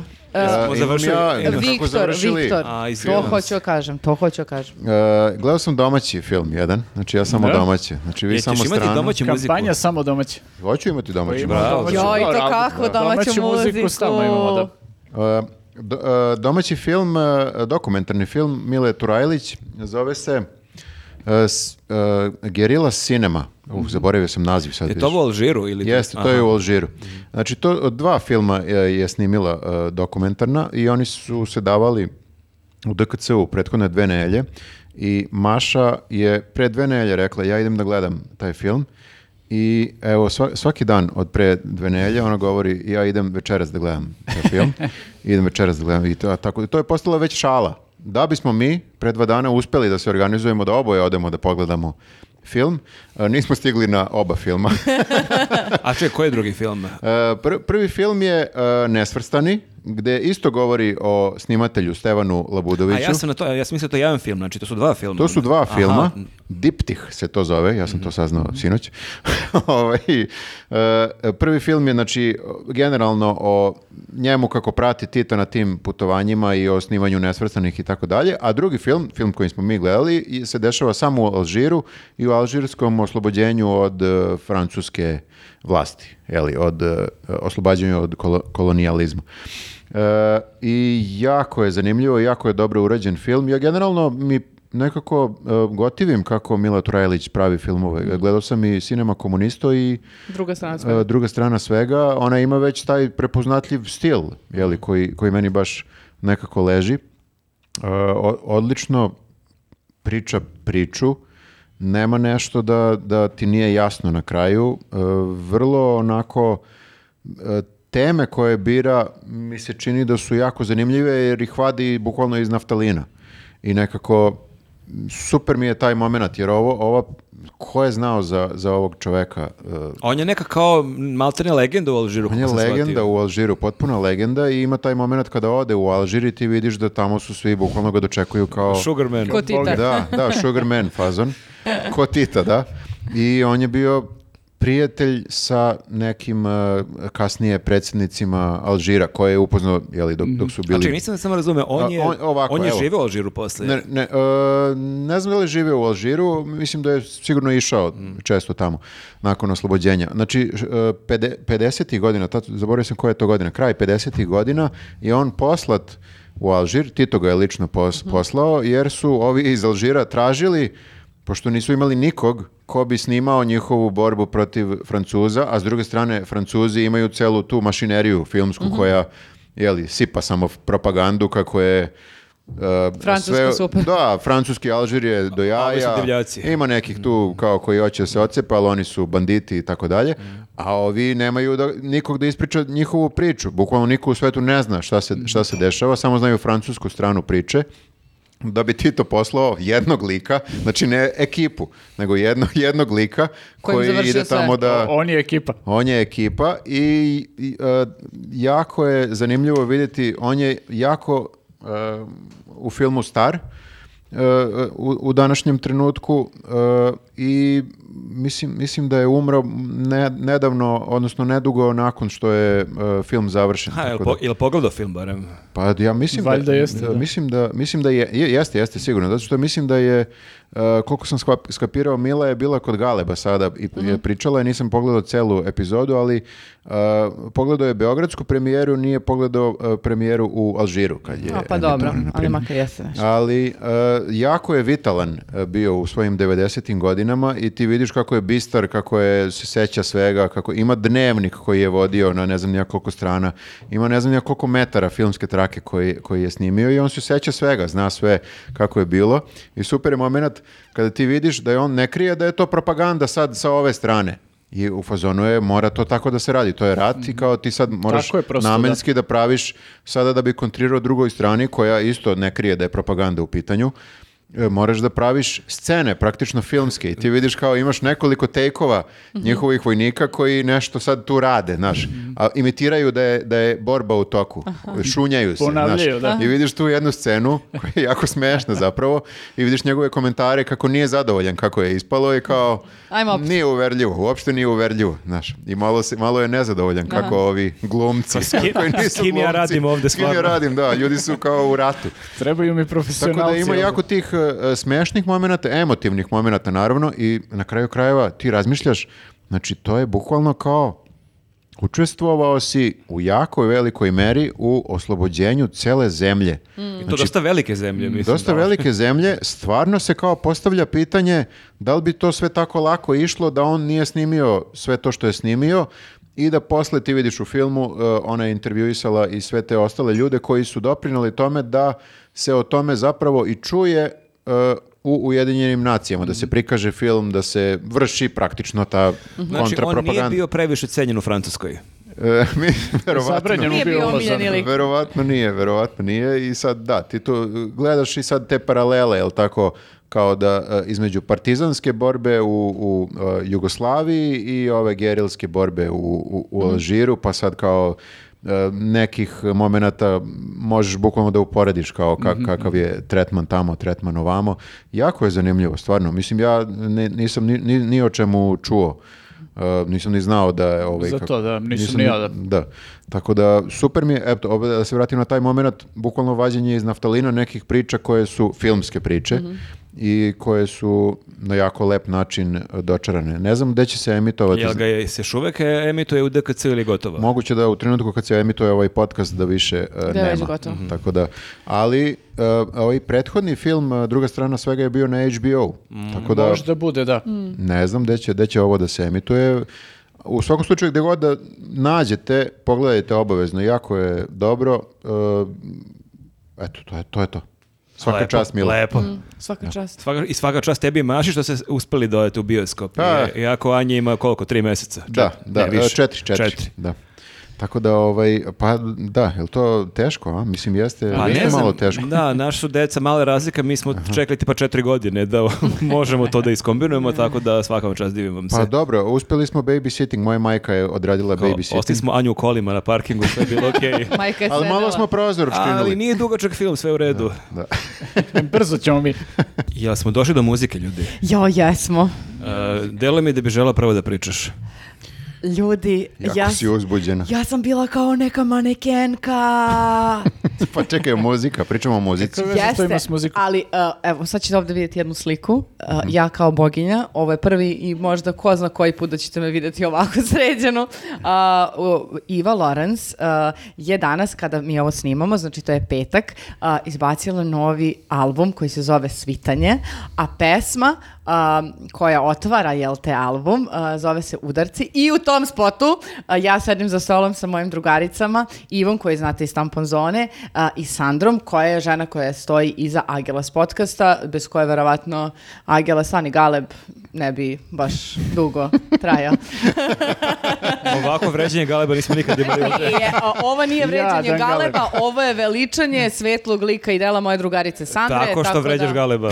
Nije, Ja ti nije, možda pohvališ da ne uniziš nekog? S mesta da Šalim si se izvinila Galeb. Galebe, izvini, brate. Super su. Svi smo svesni da Galeb nigde ne bi bio bez Sandre, tako da zezamo se. Pa ni vi ne biste bili tu da jeste bez vaših žena i mene. Pa to je... Nije ista paralela, ali i Galeb i Sandra su super. Evo, da sta- Jeste, jeste. I Iva, e, e, I da- Iva je super, Iva Lorenz je super, su super. i ti si okej. Hvala ti, neka si me uvredio, zaslužila sam jer sam ja uvreducnula usput e, dosta A vas. čekaj, to Iva, je iz- Iva Lorenz je izbacila ceo album sada sa... To je prvi album njen, ja mislim. Pa nisam siguran. A već smo pričali o. Ima, ima- dosta singlova pre. Ima ali- dosta, ali da li ima Ne, ne, ne, album, se- album? imala je neki ang- album na engleskom. A, Sad to smo pričali, da, da. nas Da, ako, da, da, da, ako da, da. grešim. Ali ovo je The album. Uh, ostavit ćemo link u opisu videa. Obavezno poslušajte. Molim vas, pogledajte i spot, zato što vredi. Zaista I vredi. neki zadatak... sebe. Da Ne damo neki da verujem. Zadatak, znači da ostavite komentar na spot, lepa je pesma, ali ova, pa da... E, nemoj da, bravo, spo- nemoj da bude bravo. sad kao mene, znači uopšte ne želim da tu veličam samo svoj Sad je svetljivih delo. kasno. Kako si rekla si boginja. A, zato što sam ja bila toliko uzbuđena što su mene našminkali i obukli onako. A nisi sama ono second hand i to. Što si bezobrazan. Što nisam... Ne bre, mislio sam žena da brego, uzela- ozbiljni kostimi bili tamo, ozbiljne šminkirke, znate na kako sam Ja- bila Što možeš lepa. da- Ja nisam, spot, spot. ja nisam spot gledao još uvek, ali vidio sam fotografije tvoje sa snimanja, baš lepo izgledaš Pa hvala, ja se nikad onako ne bi obukla, ne bi imala hrabrosti da obučem ono lepršavo onako i to sve da tu bude tako onako baš lepo. Uh, uopšte ne izgledam loše, nije što sam ja majke mi, baš sam preuzbuđena bila. Dobro, pogledajte u svakom slučaju spot, a album. Ajde pričamo o albumu. Pa, a, album... Ne, to je kraj priče, pričamo spotu. Ne možemo da pričamo o albumu slušali. sad, sad izašao dok pričamo Ja ovo. sam preslušao. Bukvalno u ovom Pa trenutku... zato što si kasnio, đubre. Nije, izašao je sinoć u 12, ja sam u pravu. Ne bre, danas, izašao, iza, danas izašao spot. Možda i u ponoć. ne spot, spot, album, album. Ne, ne, Sinoć ne. u ponoć. Ti ne pratiš Ivu Lorenz? Pratim Ivu Lorenz, naravno da I pratim on, čekaj, ženu. ona je tebe zvala e, da snimaš spot. Sljedeći Nemaš spot, pojma ništa. Iva Parađeni, Sandra i Viktor, koji je najveći fan. Jebite me drugari, jebite. Pa realno je više zaslužio Ne, da se nađe preslušao spot. sam, nisam ja preslušao, Maša je preslušala i onda sam Ti ja... si kolateralna šteta bio tu. Ne, ja moram da priznam da sam bila možda malo više preuzbuđena oko spota, jedno sam ja zaključila da sve izlazi uh, uh, danas u podne. Da, da to- Odnosno u dva. Ti si, ti si mi to i rekla i ja sam isto mislio to, međutim ja se budim jutros, bu- svuda u kući su zvuci Ive Lorenz, tako da ja gledam, a nešto je bilo rano ujutru, znaš, i ja gledam kao kad je to i kaže Maša sinoć u I ponoć. Kakav je album? Uh, ok je, pravi pop. Znači ima ono, uh, kako bih rekao, svega za ljude koji vole uh, Taylor Swift, uh, Miley Cyrus, Mhm. uh, Billie Eilish, uh, svi uticaji se čuju, ali nije, da kažeš, kopija ovoga ili onoga.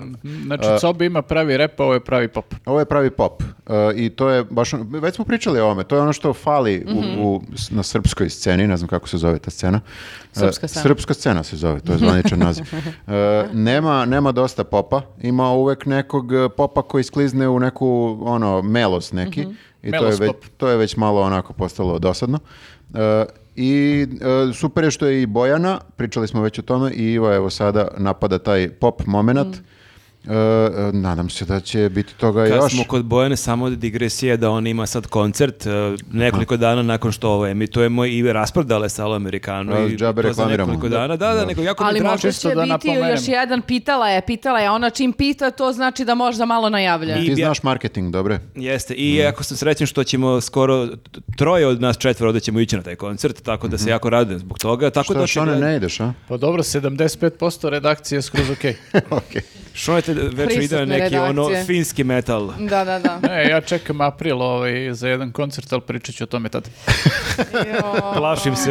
ja isto. Ja taj popkas preskačem, čini mi se. Ne, čak dolazi onaj band što sam ja puštao u kolima kad smo išli na jednu tribinu i ti se rekao, e, pa ovo čak i nije loše. E, pa dobro, to je onda, ili sam samo trebao ti napredak. ispuštaj, mi- imao si nož, pa i sve si pored mene, pa sam rekao to da bih... Da, da, uperio sam ovo. Da, E, da. u svakom slučaju, uh, uh, respekt veliki za, za pop. A čekaj, jel ovi singlovi što ih je objavljivala, kako se su- zove, Svitanje, znači i ta pesma Da, na albumu, da, da, da. ostale, jesu ostale pesme na albumu ili su nove neke potpuno? Ima, ima dosta Novih, novih bre. pesama, ima dosta A novih onih pesama. tri, četiri pesme koje znamo. I one su ušle na evo, album. ok. Svitanje je ušlo, ja sam sinoć okačila, to jest jutro se okačila svitanje misleći da nije ništa drugo izašlo, jer sam očigledno toliko preuzbuđena da nisam uopšte kapirala. Pa n- ne znam kako, ali možda ako ja lažem sad, ako nije izašlo sinoć u ponoć, Ko zna šta je on slušao? Ali ovo se emituje u ponedeljak, znači za tih par dana će se će svi, izaći će da, negdje. svi ćete Ma da, slušate. Jest, Sem jest, Jeli jest. savjet. Znači, ako imate neki bend i treba, treba vam neku spotu, ako želite ovi nivo uzbuđenosti, stvarno... Ali samo ako ćete da me napravite da budem prelepa gospođa. Znači, za ovo da ja nosim to... Da glumim klošarku Da neku, glumim klošarku, to ne. To u ovako u podcastima regularno mogu i u životu generalno. Ali ako treba da budem gospođa, samo pozovite. Ako vam treba neki spektakl, idem ovde. Spek- da, spektakl je prava reč. Jeste, E, a, dobro. savjeta, spektakl Miletić. A, dobro, ukratko, pošto sam sad na temi muzike, ukratko bi samo skenula pažnju da pored a, ove a, Eve Lawrence koja je izašla i Kida, a, iza, izašao je i album a, Miley Cyrus, Flowers koji je najavio taj album. Izašao je sad i single ove River i tu je izašao je naravnice album, ja sam preslušala i svidjela mi se par pesama. Za par pesama sam bila u fazonu šta. Uh, nije mi se dopalo, ali nekako prošetala je kroz ono, različite neke žanrove kombinujući ono njeno staro što poznajemo, uh, neke nove elemente. Imala je naravno i tog malo country momenta koji... Treba malo da. Takve- Treba. Iz takve porodice potiče. Da, da, da, sve je to cool. Uh, i, I ja bi skenula pažnju na pesmu koja zove Violet Chemistry, Wild Card i Thousand, uh, Thousand Miles i naravno River. Evo vidiš E. kako se ti bolje pripremila od mene. Ja nisam zabeležio kako se zovu pesme. Ja sam provalio da jako volim e, njen glas, boju njenog glasa i nevjerojatno je i kad priča, kako ima, kad priča dubok glas i kad peva, baš ima nečeg jako Pa ima dobrog nešto ubojitog baš glasa. da. E, Da, ali da. apropo toga, zato što, zato što sam sad nasmjela, nekom je na Instagramu poslao neki kao Reels zebanciju, kao posle ovoga nikad više neću moći da čujem Majlin glas na drugačiji način, zato što ona ima baš u tom trenutku dok odgovara na neko pitanje užasno dubog glasa. On ima i Da, da. I onda je- mali muški glas. Da, i onda je neko to izvukao i uporedio s nekim drugim zvukom koji govori ra, ra, ra, ra, ra, ra, ra. Ja bukvalno sam ja, eto je to, ja više ne mogu sad da drugačije pojmim. Ali mo- očigledno možeš. this, Da. da, da, tako da, eto, uh, to su, to je muzika. Pa to je country glas. Je možeš tako pričaš, ono, flaša viskije. Pa to- jeste, Da, da, i- viski, cigare, cigare, to je sprženo da, skroz. Jeste, Da. jeste. Taj boemski glas. Da, da, da. Žvaće, duvan, pljune. A šta si ti, Viktore, spremio što nisi zabeležio? Pa Ivo Lorenz. A i ti Ja sam, ja sam preslušao, ona nije. Da, da, da, pa Da, ne, ne, ne, nemoj ja me sam- optuživati Da, nemoj više da da me sad. blamiraš toliko. Ona je glumila u spotu, to je dosta za ovu godinu, Ja sam mislim. zvezda, ja ne moram uopšte. Znaš one bahate Sećam zvezde se. koje ništa nisu Ne moram ja pročitale ništa. videle, nego kad A. dođu na set imaju samo svoje separate, čitaju to, nisu Jeste, pročitale kao pogledajte sliku ovde i to je to, idemo dalje. Ti kad gledaš spot, ti skipuješ samo one kadrove gdje si ti u spotu. Naravno, kao i podcaste, gledam samo ono što Imam sam ja jednu pesmu sam zapamtio kako se zove, uh, zove se od, od 2 do 4, Aha. ako sam dobro To je zapamtio. ona seksi pesma. Seksi pesma, jako je dobra. Jako je seksi, jako je dobra pesma. Jeste, jeste. Ta I- pesma je izašla pred dva, tri mjeseca. Baš je perfektna onako kao pesma, kako bih rekao, ono, pop, pop, da bi pop. Hoće imati ona neki koncert uskoro? Da. Jel da znamo ili pretpostavljamo? Ona je već krenula na mini turneju sa ovim, uh, uh, kako se zove? Luka Rajić. Luka Rajić i uh, bili su, na primjer, u Kragujevcu, Nišu, da li Novom Sadu uh, u prethodnom periodu i sigurno da će spremiti neki koncert uh, u narednom periodu, mi ćemo ga, naravno, najaviti. Naravno. E, mogu ja se ja nadovežem, t- o, također domaća muzika u pitanju. Nedavno smo kod Kesića ih imali kao muzičke goste, Bela Tehnika. A, u A, pitanju da. je... e, Bela tehnika. Bela Tehnika. Bela Tehnika. Bela Tehnika, u pitanju je, album je Solid State i taj band čine dvojica iz Darkuda, Miki i, kako se zove, beše Bambi. Dakle, dvoje Nije od... mu to pravo ime. Misliš? Da. Možda ni Mikiju nije Kako pravio se Miki. zove? U svakom slučaju, uh, vrlo je zanimljiv album, uh, mada je, moram da kažem, ja sam tu jako nostalgičan i subjektivan, jer ja, ja sam ta generacija, pa i Viktor je ta generacija, nekako nama su Darkwoodi baš obeležili jedan važan deo života. Oni se neko pojavili kad smo bili u srednjoj školi i onda ceo taj period do neke 16. 15. 16. godine pa do nekih ono ranih 30-ih su nek, bili prisutni, tako da sam ja tu jako nekako nostalgičan i ja baš želim da ispratim sve što rade ljudi koji su činili taj bend i ovo je stvarno dobro, mada i dalje nisu Darkwoodi. Ali e, super je album onako za džuskanje, ima onako nekih različitih stilova, recimo meni je ova prva pesma e, koja otvara album zove se Change, ona mi je najbolja jer mi onako kad je krenuo vokal, čak me malo zazvučalo onako na tragu Depeche Mode i to mi je bilo onako super. I ja sam se, ja sam se ponadao da će ceo album biti u tom nekom stilu, nije baš taj stil, posle dalje ima malo nekih raznih drugih uticaja, malo se tu provlači nešto ono, što bi možda ja opisao da vuče malo i na neko Kraftwerk i na Daft Punk, ko više prati tu muziku, sigurno bi našao neke možda i konkretnije reference, ali u svakom slučaju i ova numera koju su izveli kod Kesića, Solid State je sjajno ovako, tako da je jedan fini album, onako dobra muzika, onako i za pozadinu i da se sluša i u kolima i da se pojača do daske, onako stvarno nije mi cijel album baš perfektan, ali tri, četiri pesme su onako baš po meri, tako da sam to slušao ovih dana, a ja bih stvarno ovako apelov ovde ako neko sluša od iz te ekipe, sve to sjajno, ali dajte nekad da se okupi ekipa Darkwooda. Znači, ono, Au, vidi ti ovo, ovo ja velika, ne znam, velika ja emocionalna ne znam, ja ne Izvoljava. znam, da, da, ili će, uh, ili će, ne znam, ova panda uginuti ako se ne okupi. Uh, zaista mi je nekako, sigurno ovo nije neka moja originalna ideja i sigurno je to palo na pamet još raznim ljudima, ja ne znam što su oni raspali, ne znam te odnose kakvi Ne znam su. ja, ja, ja sam kasnije tek otkrio Darkwooda, ja sam, ovo što kažeš, isto smo generacija, ali ja sam više bio, ono, rocker, znaš. A, ti si bio punker, Ja ja sam ti si bio- go, gobline slušao. Džuke, džukele, goblini, dire, Trajektor i taj da, da. fazon U, i tek kasnije. Da, neko meni su Darkodi, mislim, često sam pričao o Darkodi Kando Kođa, ali ipak je, su Darkodi bili Mhm. više prisutni. Baš su onako bili prisutni u mom životu iz godine u godinu. I ja stvarno ne znam da li je tu neka teška svađa, ali opet čak i ako je neka svađa, pre pa Gansi su se okupili nakon toliko godina. Mislim, ako su Excel i Slash mogli nakon takvih stvari koje su Ali oni radili smeju priče. da nastupaju van Las Vegasa, Gansi. A, po ugovoru. Van Las Vegasa, misliš da je Elvis, a? Pa mislim su bili bukvalno u Beču, Minhenu i tako. A, a okej, nisam ispratio. Dobro. Su Da, bili da. u Zagrebu smeju, da. nešto. Nisu u Zagrebu, ja mislim, ali bili su, ja mislim su bili u Budimpešti. Pazi, mi smo, mi smo ovaj, e, odslušali e, Ganse uživo, ako podeliš, slušali smo Slasha i ostatak benda, je li tako, I Slash Dafa i, ko- i i to. kogod, a da, Da. bio i Daf tu, da, da, Da. i Excela. Eksla, Eksla posebno, s- bez, bez ovih Bio ostalih. neko Tako, njih na Bio je, Exitu? bili Da, su, da. pa to je bio Excel. Lažni, lažni Gansi, Lažni samo Gansi sa sve Excelom, da. Ali nakon toga su se ponovo okupili, E, imaju to- to godine, imaju da, turneju. da. Pravim samo paralelu, ako su oni uspeli da se skupe, ok, sigurno su veće pare u igri, sigurno je veća motivacija. Ali evo ima i Pa, Marko da. da. ponudi neki dinar. Metallica se umalo nije 500 raspala. kinti za Jeste, kartu. znači ne moraju Darkwoodi da prave nove albume, znači neki, kao Playboy, znači nek se okupe Samo da jednom, sviraju malo, jednom da. u dve, tri godine, nek se okupe čisto meni da bude puno srce i moje generaciji, jer bi nama to Slažem se. stvarno značilo. Nema razloga, bukvalno Što da, ne da znači se da, ne desi. ovo Jeste, bela tehnika svi i bismo ih voljeli monolinije, da sve to nije dobro, dobro je naravno, ali nekako, znaš, ovo ti, ovo ti je kao Blur, a ovo ti je kao Damon Albarn, njegov, pa i Gorillaz, ali ipak Mhm, negde esencija je, Ipak i dalje želiš da slušaš Blur. ipak, ipak želim da slušam Blur. Drago mi je baš da si ih uh, pozvao, sad neće imati izbora. Ja se sad nadam da ako neko njihovo Ne, sad gleda, ako ne a ne vidim što ne bi ovo- gledao, da će se malo, da će ga malo gristi savest. Ako ne prihvate ovo, bit će loši ljudi. Da, pri, pa, apsolutno.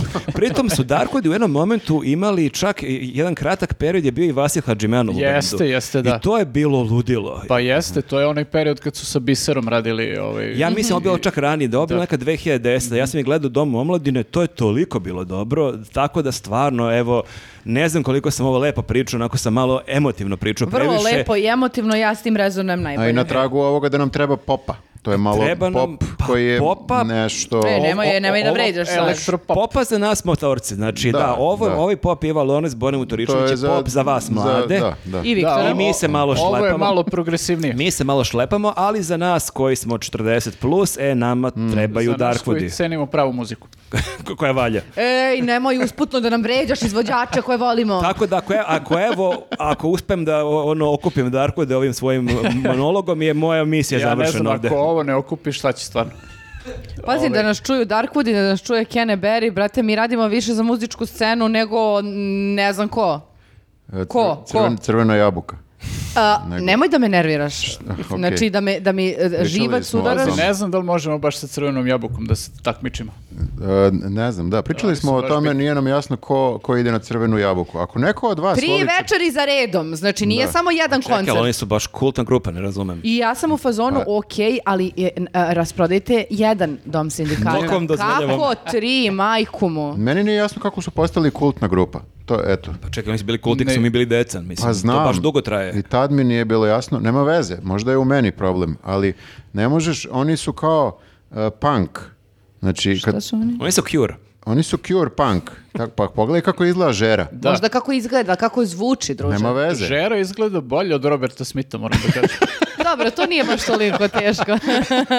Hoću da kažem imidž, imidž je uh, je taj sve, neki je sve. post-punk, jeste, post-punk, post-punk. ali baš, baš mnogo post.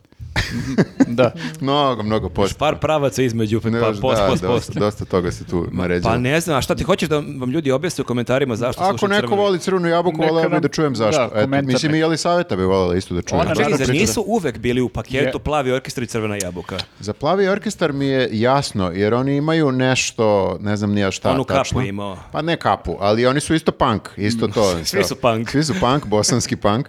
Ovaj, ne, ne, oni su imali nešto što malo zalazi u neki pop, jasno? Ali oni su, meni je plavi orkestar veći jugoslovenski bend nešto- nego crvena jabuka. E, vidiš, ja sam to mislio, ali možda i nije mi- tako. Ali znaš što je meni bilo jako zanimljivo? Pre nekoliko godina smo bili u Sarajevu na onoj point konferenciji. Onda smo otišli, mislim, u- na dva mesta gde U se... prvu, nek, prvi neki Prvi pub. pub i u drugi pub. I Jasno. smešno što su u oba puba bili neki bendovi koji su uživo svirali. I Cover oba- bendovi. Cover bendovi koji su svirali istih deset pesama, isključivo sarajevsku muziku iz 80-ih.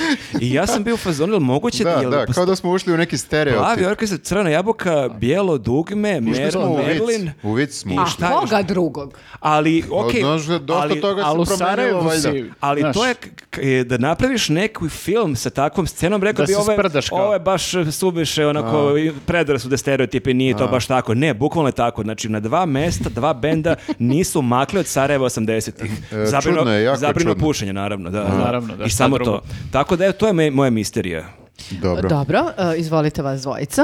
Ovaj, On je rekao, on sad je rekao opet šta je vi- više. A da, opet- izvini. opet vi- izvini, e, Znači, budim se ja, Maša pustila E, Ivu. dobro, što se tiče domaće muzike, ja sam bio na predstavljanju novog spota Ljubičica. I ovaj... Nenadove višestruke ličnosti. Jeste, oni su izbacili, oni su izbacili novi album koji nisam prestigao da preslušam, ali preslušat ću ga za sledeći podcast, zove se Dok čekamo pad. Ovaj, a ovaj novi uh, spot uh, i dalje su u tom fazonu. Njima su baš depresivni naziv pesama, rat ljudi protiv mašina, Jeste, dočekamo pad. Sve vreme Vidiš imaš... kako su predvideli A sad. je- ljubičice se zovu. Jeste, a sve vreme imaš kao ovaj taj, kako, su, kako bih rekao, veseo ovaj, uh, sound za, za džuskanje i to i takav je ovaj novi spot, ovaj, imaju neki bager u spotu Bulldozer, ne znam ni još šta je. Veseli I bagir. ovaj pesma se zove da li, da li roboti se plaše? A, pa opet roboti. Pa oni bre Zato su predvideli ovu, to ovu Jeste, uh, revoluciju veštačke krenuli, da, oni su inteligencije. krenuli u susret tome ono još od one ove pesme i sad samo nastavljaju dalje u tom fazonu, tako da ovaj preslušat ću do sledećeg podcasta ovaj novi album da vidim na šta liči. Mhm. Uh, a što se tiče ovaj preporuke za, za neki strani bend, uh, nisam slušao kao sad da kažem da je novi album, E, izbacili su poslednji album prošle godine. Zove se band Kellerman, što je e, danski je bend u pitanju. I e, meni je jako žao, kao i za mnogo bendova koje slušam, što ne zna više ljudi za njih. Imaju tri, bend, e, tri albuma studijska do sad. Prave tako pauze po 6-7 godina između albuma, što se meni baš i ne sviđa, ali ovaj, oni su otprilike... Na prvom albumu su samo imali malo ono kombinaciju tvrđeg e, zvuka sa nekim rokom i to, a kasnije su umešali i ja ih sad nekako ovaj, doživljam kao e, malo mračniji The Black Kiss otprilike. To su teške The, reči. the druže. Black Black Kids. Da, The Black Black Kiss. ovaj, Blacker, Blacker Keys. a, stvarno imaju dosta dodirnih tačaka, imaju ovaj, e, Ima i bluza malo. i ima malo Kako i se tog zove? nekog uh, Kellermanš. A bi- imaćeš link u opisu Klikni u videa. na link u opisu. Dole da. imaš. Kellermanš. Ovaj, a, jako Čita su se zanimljivi- Schellermensch. E, To je mađarski band. Izaći napolje prebit ćete. Band iz znači- Segedina. Kellermanš. Ne, ne, nisam siguran ovaj, kako se tačno piše, ali zvuči kao ljudi iz podruma, je li tako nešto? Jeste, jeste Aha, to. dobro. Da. Ovaj, Ovo si pokida sad, Viktore. Jeste, jeste, pa čovjek zna znanje, mislim, to je kad imaš uh, stručnjaka u podcastu. Mhm. Tako da, ovaj, uh, stvarno preslušajte bilo koji album njihov, ono, možete slušati ako vam je, recimo, Black Izvini, ali Keys, savjeta stvarno hvata belešku. ako vam je Black Keys, ono, Pa, kao... brate, ako mi kažeš Black Keys, meni se odmah upale sve lampice u E, glavi. Jeste, a, imaju, imaju i uh, ovaj gudače u, u muzici i svašta nešto i jako su zanimljivi. Taj prvi album je samo bio kao, ajde da kažem, malo tvrđi, ali nije čak ni on toliko, ali imali su tu kao malo i tog zvuka, a kasnije su ovaj, to nekako umekšavali i išli malo istraživali. Tako da to je, eto, band koji hoću da preporučim. Bukvalno, zašto god da se uvatite u diskografije dobro, obrađivali su i uh, neke pesme Nila Younga i svašta tu nešto ima. Uglavnom, baš onako dosta pocenjen band. Nije popularan preterano čak ni u krugovima koji slušaju generalno takvu muziku i prate ono, tako da, eto, mislim, ja ovaj, bolećiv sam na takve situacije kad ono- Nepravda, nepravda. Jeste, stvarno, mislim, kad otkriješ neki bend koji je stvarno kvalitetan i stvarno je ono zanimljiv za slušanje i vidiš da i, i dalje kao posle toliko godina, ja sam njih otkrio 2009. kad su izbacili taj prvi album i oni nisu u nekom ono pogledu popularnosti preterano napredovali. Mislim, Bilo i dalje su bi- Bilo bi u nekom bi oni imali, underground. imali neki press clipping, ono pali se lampica ljudi, neki lik u Srbiji pričao 8 minuta o nama u Nije podcastu. samo da priča, nego ja sam radio intervju sa njima. A, još ti tad. znaš lično? Da, mislim, ne znam ih lično, ono, komunicirao sam ovako preko maila kad smo radili taj intervju. Ovaj, Za player, a? Da, da, da. O, kako radi playeri, evo. Jeste, link, da. link eh, kad to intervju. Stavit ćemo i link na intervju. Tad su, to je bukvalno bilo ovaj, u periodu, periodu kad su izbacili taj prvi album i tad je bio onako popriličan hype u toj nekoj ovaj, među alternativnom publikom, ali nekako se to onako vremenom izduvalo, ništa, šta, Nenade, ništa se nije desilo Treba posle sad toga. ti ih reklamiraš u ovom popkastu i ponavljamo, ponavljamo i onda oni postanu zvezde kod nas, dovedemo ih, uh, news U organizuje, podcast, da. ne, ne, na koncert. Na koncert? Aha, I onda... da napravimo festival, da. Napravimo, pa festival je preka reč, jedan koncert. I, Mi smo kao menadžeri. Jeste, Naših onda- je 10%. i onda, Može, može. I onda uzmemo velike pare. To nije loš model, da mogli bismo da Jer zaradimo nađemo fino. bend koji je jeftin i toliko ga ispopularizujemo da on privuče ono 500 ljudi, a budu i dalje jeftini. Pa Može. mislim da mi moramo isto malo da budemo popularni da bismo mogli da popularizujemo. Ne. Ne, ne, ne, mi, smo, čekaj, mi, smo si- i kidamo Ti sad. si u spotu ladno. Da. Da, šta ćeš veću popularnost od toga? Jebote, da, kad malo razmislim. Pritom, uh, sad će na tom videu gde si ti u spotu, znaš koliko komentara da bude, zato što smo Nemoj da ih mi... pudajte, to je sad glupo. Pesma je lepa, ali ova devojka na, Nemoj to da sedam- radimo. na Nemoj to da 2.46 radimo, nađemo to je već, sekundažu. Što kaže, vrag je odno šalu. Šalu na stranu, idemo dalje. Jel prelazimo na knjige ili još neko hoće da kaže nešto ne, muzici? možemo da, ja mislim da možemo da pređemo. A ćemo opet, na predstave? opet na predstave. Ajmo prvo na knjige. Ajde, dobro, ajde. Hajde pa demokratija, šta? De, pa ništa, demokratija. Pa nije, uh, hoćeš ja da krenem prvi? Da, ajde, slobodno. Ovako. Želim da predstavim e, pisca kojeg, čini mi se, e, neću kažem da ga ljudi ne znaju, znaju ga, ali mi se čini da i dalje ga ne zna toliko ljudi koliko bi trebalo da ga zna u E, pitanju. pa to je ovo što ja pričam to je za to. da. To je samo što čovjek nije iz Danske, nego iz Novog pazara, zove se Enes Halilović i htio bi da spomenem dve knjige, mada ću o jednoj pričati više. E, e, Šok na Viktorovom licu pokazuje da nije čuo za njega. A, ču- a čuo sam za njega, ali verovatno sam samo video u knjižari, pa sam A, zapamtio ime i prezime. Laguna je izdavač i ova a, njegova posljednja knjiga Ljudi bez grobova je bila u najužem izboru za Ninovu nagradu pre dve, tri godine. One godine kad je Basara pobedio sa kontra endorfinom.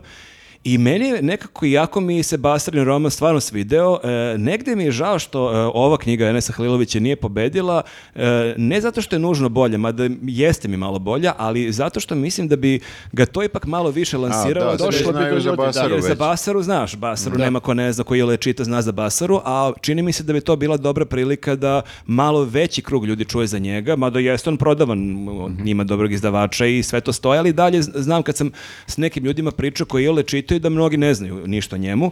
A, ova knjiga, obe njegove knjige su dosta teške. Pogotovo ova njegova prethodna knjiga, ako dugo gledaš u ponor, što nekako i sam naziv knjige govori, i to je onako knjiga koja onako opisuje život u Novom pazaru jedne porodice, to je ovako jedna teška priča, ovako socijalno teška priča i kako knjiga odmiče, onako sve teži i teži i onako te knjige su onako baš onako kao da te neko maljem udarao po glavi, pritom on perfektno piše, stvarno stil je predivan, ali meni i podijeljene su mišljenja, vidio sam po raznim komentarima da nekome i ta knjiga i bolje od ove druge, mada ja moram kažem da meni više legla ova knjiga Ljudi bez grobova.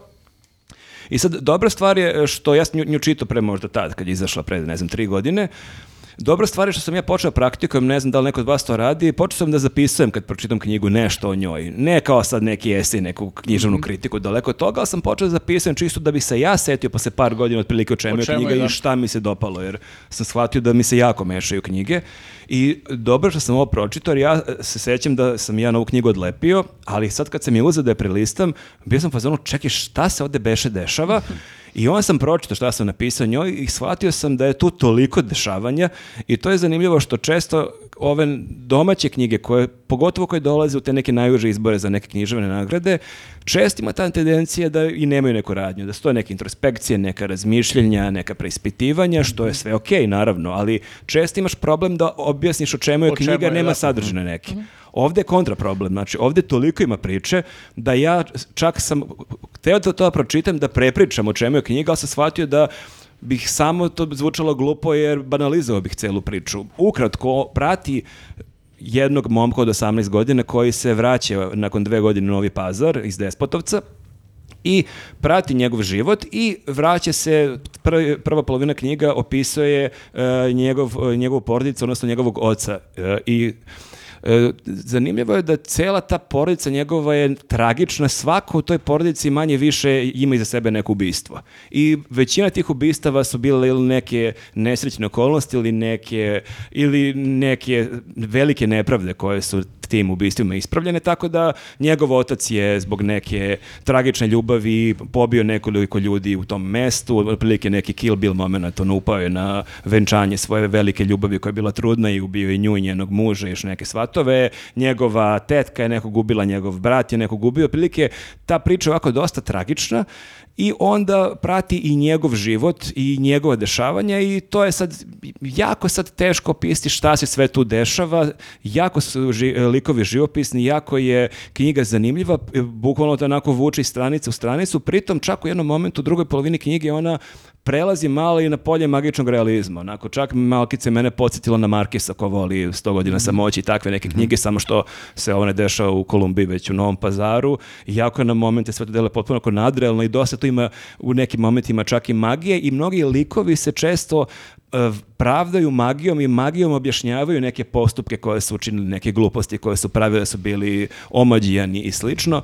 Tako da je knjiga ovako Volio bih da vidim neki film ili neku seriju kako bi ovo ispalo, jer jako je mnogo e, priča i likova i paralelnih priča i na momentu deluje čak da će da se malo i pogubiš, ali on to toliko dobro piše i knjiga je takođe jeste teška, onako nakon nje dosta ovako si zamišljen i malo upoznaš i mentalitet ljudi u nekom drugačijem mestu i dešavanje tamo, tako da stvarno, eto, ne bih da pričam sad šta se tu sve dešava, jer kažem, toliko toga se dešava da ako bi sad nabrajao likove i zaplete, ovako bi zvučalo pomalo konfuzno, ali knjiga ovako zaista velika, velika preporuka. Pa pogotovo neko ko recimo voli Markisa i taj neki senzibilitet. Dobro. Viktor, Next. Rade? E, ovako, vadim mobilni što Audio, svi znate. audio A, knjiga. da, svi znate šta to znači. E, Sad puštaš play. a, opet audio knjige i opet e, ne fikcija, opet sam zaboravio kako se kaže ne fikcija. Biografija. Pa nije biografija. Ovo je, e, iako je pisao jako poznat lik, Publicistika. publicistika. Stručna literatura. Sluč, stručna literatura, ok. E, Rick Rubin. Znaš ko je Rick e, Rubin? znam ko je Rick Rubin. Znam ko je Rick, Veliki Ricky car. Rubio. Ček, Nije Ricky Rubin.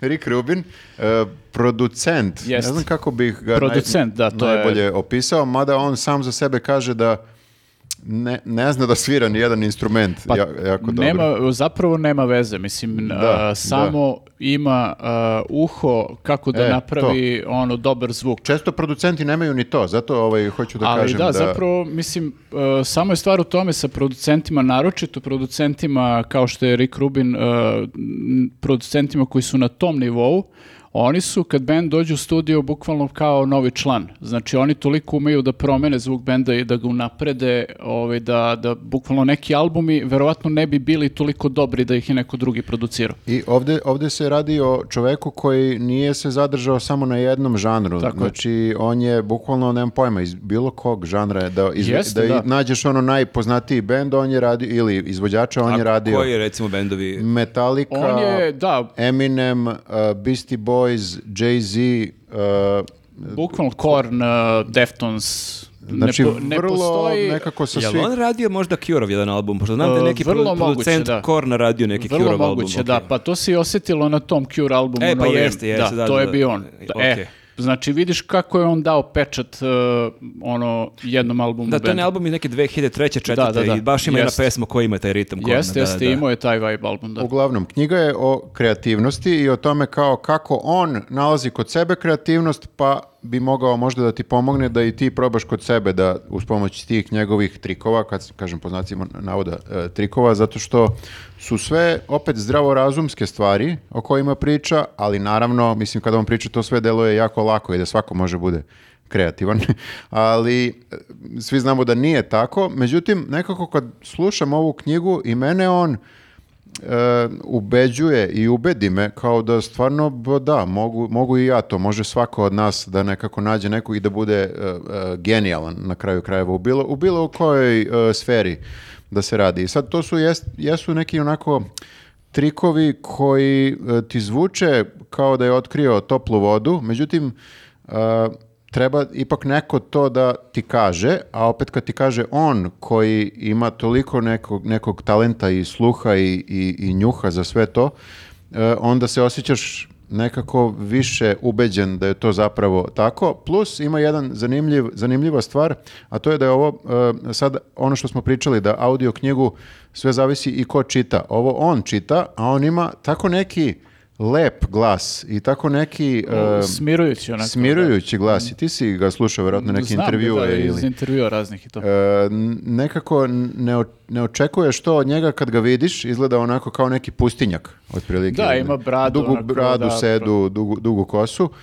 I malo vuče na taj neki new age bullshit. Neću da kažem bullshit, ali rekao sam bullshit. Ali nije toliko, e, nije toliko new age. Samo vidiš da ne, ne odbija a priori i te principe, Mhm. neke meditacije, nekih joga, smirivanja, beži. Ali super je što kaže da on ima iza sebe ozbiljnu karijeru, Pa- jer to često kad ja vidim nekog life coacha koji ti prodaje neku priču, pitam se, ko si ti, čime se ti baviš? Ovo ono? definitivno kao sve potiče odatle zato što to upravo on je napisao knjigu i ok, on ti čita knjigu, ali definitivno kao ima Govori iz svog ličnog ima iskustva. je dokaz da ove stvari, ako ih stvarno primenjuje, rade. Ako rade kod njega, ne znam da li mogu da rade kod svih, ali su jako lake za, za probati. A šta kaže, šta kaže da radimo? Pa evo, čekaj, sad ću da, sad ću da ti baš ovaj e, e, kažem, samo da, samo da nađem ovde, E, kako se ovo sada e, gleda. Kao deka na mobilnom. E, uglavnom se svodi na to da ne, e, ne poštuješ pravila, da zanemariš pravila, makoliko da je teško, da pobegneš od nekih utvrđenih e, normi, opet ma, makoliko da je teško, i da probaš da se nekako staviš u položaj potpunog početnika u sferi u kojoj, u kojoj radiš. E, zato što početnici često razmišljaju na način na koji ovi ljudi koji su već Previše u majstori to, previše u tome, uh, uh, originalan pristup imaju. Pokušavaju da reše probleme na neki način na koji ovi Nije ljudi tipičan, da. koji su već na autopilotu su i zaboravili, jeli? E, tako da, e, sve se svodi na to, da kao budeš malo i nežan prema sebi, ima i toga kao u fazonu šta god da uradiš nećeš pogrešiti, jer od dosta stvari koje si mislio da su sranje, možda nemoj da odustaješ od njih, jer će možda nešto da bude. A ako ne bude ništa, Ok. bože moj. Tako da ima dosta i, i tih nekih, ne, ne pljujete mnogo koliko vidim ovde, vrlo je onako nežan, vrlo je u fazonu svi ovo mogu, e, ovo su trikovi, izvoli, samo je potrebno na- naravno ne da radiš. Ne zvuči kao neka topla voda, često čujemo takve neke savjete od raznih ljudi, ali da, del, i meni deluje da kad to kaže neko ko je radio takve Da, neke kultne da. albume s tako Da. različitim ljudima da on očigledno ima su- neku Da, pokriće. mislim, ali super je meni taj kontrast kod njega, jer je to kao, ono, Hare Krishna sa fazon i Da, s- da. u smislu neke smirenosti, spokoja i sve to. I to je kad mu sluš- slušaš glas, naročito Jeste i čuješ. to. I jako je, mislim, ja znam iz intervjua ovih bendova raznih sa kojima je radio, da svi potenciraju to koliko je on strpljiv u radu sa sa ljudima i sa bendovima i onda kao često ti imaš ono da se, ne znam, producenti i ovi muzičari zakrve tokom snimanja i da bude i svađe svega svačega, a on sad koji je takav ono sav smiren i valjda tu smirenost onako širi verovatno na ljude oko sebe, on ne znam producira Slayer, producira Slipknot, ono producira najbrutalniju mu- muziku koja postoji, razumeš? I, i to kao ispadnu albumi koji su istorija praktično, bukvalno te stvari koje je on producirao, ne samo u metalu, nego i generalno su istorija, bukvalno. Tako da eto, ja sam i dalje u toj fazi da čitam ove neke self-help e, knjige i neka ta hakovanja kako da postanem bolji čovek, niš- ništa ne garantuje da će se to zapravo i desiti. Ali ja sam uporan, ne znam, tako da vi- vidjet ćemo u sledećem podcastu šta Upornost ću. je bitna jer, kako kažu, to, e, pa idemo A, dalje. da, da, sećam se. Nenade? Pa, lepo. Da. Ja sam čitao ovaj, jednu knjigu koja je ovo što je Marko rekao, ovaj, e, e, knjiga koja kao je dosta introspekcija, pa kao ne znaš kako da je opišeš uopšte, o čemu je. E, pominjali smo Ani Erno kad smo pričali o, ovaj, o njenoj knjezi koja je dobila Nobelovu nagradu za posebnutost. Da, ovaj, ja sam čitao sad e, jednu ženu, to je isto u u izdanju e, Štrika i ovaj, prosto jedna žena je njena majka i ona priča praktično kroz celu knjigu priča o svojoj majci koja je umrla i sad ona ovaj, počinje da priča prvo o tom momentu kako je doživjela njenu smrt, e, kako je u početku bila onako e, tupa sa osjećanjima zapravo, nije bila sigurna ni da li joj je žao i slično, međutim, posle vremenom je zapravo shvatila koliko je majka značila i onda i nas uvlači u tu priču, vraća se bukvalno kroz celu istoriju kao ovaj, onoga što zna o majci, praktično nam priča priču o njoj, kakva je ona bila žena, ovaj, e,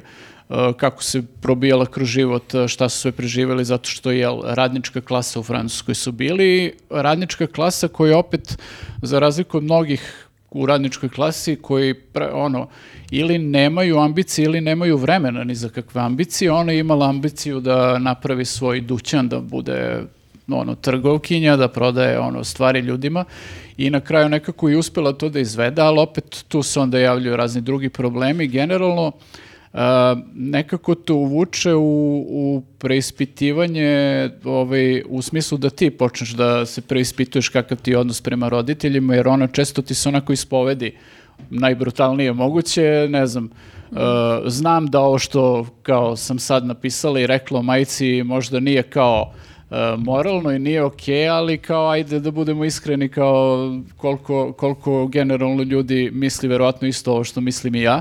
Tako da onako malo i se i ti preispituješ ovaj, generalno o odnosu sa roditeljima i ovaj, ta, o, kratka je knjiga, čitljiva je jako kao i, i ostale njene, tako da ovaj, ako hoćete to malo kao nije neka sad ludilo radnja, nema thriller obrta i slično, ali je onako lagana i malo te ovaj, držite posle zapravo više. Mene je držalo više nakon što sam je pročitao nego tokom samog čitanja, zato što ostane ti onako uhvatiš taj zalet u razmišljanju i onda to po inerciji nekako ti, ti ostane i posle čitanja i kao razmišljaš ovaj, o, o, o samoj toj tem- temi, odnosu sa roditeljima.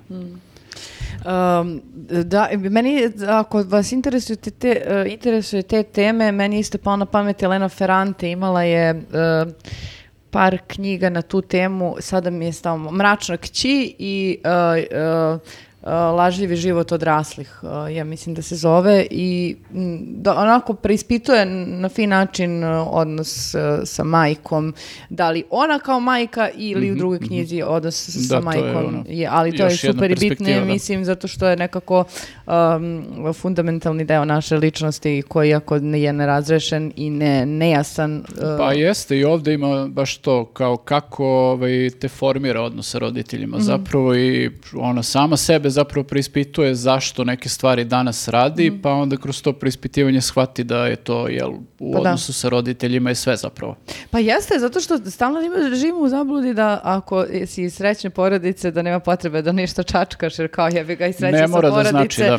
Pa ne- da, a ne mora da znači zapravo nekada e, te roditelji iz najbolje namere ono, zajebu za nešto kasnije. Pa da, i nije ništa strašno, samo treba da se malo pozabaviš time, osvestiš neka sranja i onda može da ideš To je jako zajebano kada e, dobiješ decu, kad to Mhm. postaneš svesan toga da stvari koje radiš iz najbolje namere koje su super da zapravo čak i koje su mnogo bolje nego što su tebi radili tvoji roditelji, opet negde će možda imati neku posledicu. Mhm. Nisi siguran da li je Nisi dobro, nikad da. siguran ko je to je to i sad sam miran, znači nikad nisi do kraja miran. Da. Pa da, bilo, je- bilo nam je bolje svima dok nismo znali za psihoterapiju. Jest? I dok nismo čitali, ajde Moguće, bre. ono. moguće. Gledaš Johna Vika ovih izroka na kraju i doviđenja. E, dobro, uh, ja sam do- donela do Vlatova danas, um, ne znam koliko će do- da, da vam se svidi, on je ruski pisac koji je pisao zapravo najviše o emigraciji kada je emigrirao u, u Ameriku. Um, on je jedan, uh, kako bi rekla, predivni uh, šmeker čovek i tako i nekako piše. On je toliko pametan, toliko nekako duhovita, na trenutki ciničan, uh, da je to meni super. Uh, znači, on je 90. umro, znači on je pisao tih nekih On je 50. mlad nešto beše umrno. Pa zapravo jeste, da, on je 41. rođen, 90. umro, Mm. koliko je to, 50, e, 49 godina. 49 godina. A, ja sam pročitala od njega dve knjige, e, Strankinju i Kofer i danas bi eto malo više pričala o Koferu. Strankinje je pričao o Ruskinje koja se sa sinom e, seli u Ameriku i e, njen život kako izgleda tu, komšije, udvarači, posao i tako dalje. Međutim, e, Kofer mi je nekako ostao em, u, u jačem sećanju zato što je pričao da o tome da kad si m, emigrirao iz, u druge neke zemlje, mogo si da nosiš samo tri kofera. I on je pitao, pa kao, kako samo tri kofera, imam toliko stvari. Kad, tako, ne- on, čovjek rekao, tri kofera i to je to. To ti je što ti. I onda je on priča, piše knjiga i on krenuo da se pakuje i onda je shvatio da sve što u životu ima staje u jedan kofer. Jer kao rukopisi Sve su... što je bitno. Sve što je bitno, jer kao, um, ne znam, namešta je poklonio po nekim dućanima, rukopisi su odavno već morali da budu tajnim putevima. Iz... A čekaj, on je bio politički e, izbegao. Pa, mislim, sigurno da da i to, zato što nije baš bilo poželjno da, da se piše tako kako je on pisao. Nisu volili cinizam. Mm, Da. E, I, e, I onda, da, i onda je zapravo e, sve te stvari koje kao nakon sa 36 godina završiš samo s time i onda me se navodi na razmišljanje, evo te, toliko živimo u materijalnom svetu i toliko se cimamo da mi sad tu kupimo ove stvari, one stvari, patike, ovo, jakne, ne znam, gluposti. A onda sad kad bi ti neko rekao da moraš da napustiš svoju zemlju i da moraš da se spakuješ u jedan kofer, šta bi stvarno Shvatiš šta ti je zapravo od tih samo da- stvari bilo? E Pa sad, dobro, trebaju ti jakne i patike. Trebaju, ali ne baš toliko koliko mi Ne e, trebaju ti jurimo skupe, da... trebaju da- ti dobre. Patike ti trebaju samo I onda je zanimljivo kako je on zapravo od, za svaku od tih stvari prispričao priču šta, šta su te stvari bile pre kofera, jer je on taj kofer kad je dono, da se oženio, dete, ovo ono, um, kofer je stajao negde u zapećku i nije bio otvoren uopšte, nije ga koristio, nego je čim je stigao u prvu Italiju kupio, ne znam, neke lanene košulje, cipele i to i pičio dalje. I onda, kad, kad je posle toliko godina otvorio kofer, zapravo kreće priča o svakoj stvari ponosob i onda ti kroz te zapravo priču o tim stvarima vidiš tačno ono presek e, e, ruskog društva, e, ljudi, mentaliteta i nekako koliko god ti se čini da ti je sad to daleko neko vreme, da ne možeš da se povežeš sa time, meni uopšte nije bilo ni za trenutak teško ni da zamislim te likove, ni te situacije, nekako mi je sve bilo vrlo lagano. Mislim, koji kad Čehova čitaš, bez obzira što se tamo negde dešavalo, opet je lako da... da ovo se nije toliko davno dešavalo, ako nije, su to naravno, 80 ili naravno kad je nije, ali opet kažem, prosto nekako, mo- ja sam mogla da se, uh, da se povežem i uh, eto, stvarno uh, lag- način na koji piše je vrlo onako pitak i lagan, s druge strane izuzetno duhovit i, I tu ima, pretpostavljam, nekih ono kao njegovih zapažanja Rusija, Amerika, komunizam, naravno, kapitalizam. naravno, naravno, naravno. Da, ti si meni već e, nahvalio tu knjigu, ja sam je kupio na posljednjem sajmu knjiga, mada nije mi još došlo na red da je pročitam, ali jer baš ovako, dosta imam knjiga koje sam Mm. pokupao u posljednje dve, tri godine i nisam ih još pročitao, ali jako lepo pričaš tako da će pročitati. Pa, a, mislim, ne mora da znači, e, što ka- da idem, e, ja kažem teji pa da mu kupimo neku, da ne, neko nam za poklon, prijatelju, Mhm. pa kao knjigu, to ne možemo da promašamo, kaže, ali to je tako intimno kako kupeš parfem, kao kako Aha. znaš si siguran da će ti se svidjeti. Moraš da To poznaješ malo čoveka. Ali jeste čak i ako poznaješ, znaš, meni se možda ovo super sviđa, a tebi, na primjer, Pa uopšte ne mora da legne. Tako dobro, da... u najgorem slučaju imaće jednu knjigu koja mi se neće dopasti, nije Da. ni prva ni poslednja, ali čak i njega je Milan Marić glumio u filmu, jesi gledao taj film? Ne, nisam gledala taj film, ali ja sam zapravo za Dovlatova, u tom trenutku mi smo bili nešto da li na faksu ili na masteru, pa sam ja znala da je Marić otišao da snima, jel tako nešto je bila priča i da sam čula onda da je to, da, da glumi Dovlatova. I kasnije on pos, posle dosta i pričao o toj ulozi, jer onako bilo mu je teško da, da to snima. I stalno mi je tako nekako iskakalo, iskakalo, iskakalo i on se bilo u trenutku u fazonu, pa taj bre da kupim, pročitam i stvarno je do jaja.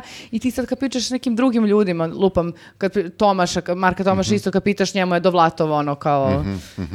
Baš je... A ima, delo mi, mislim, ne znam mnogo toga njemu, ali delo mi da je to taj neki imidž, baš kao kaže Marko Tomaš, vidim da je to neki frajer sa cigarom. Ne, opasan Jer on frajer- taj bojemski život, Da, pretpostavljam. da, opasan frajer koji je o, izrazito, ono, izuzetno pametan, izuzetno duhovit, i onako malo i ciničan, mračan, ali taman onako doza svega koliko... Voli džez.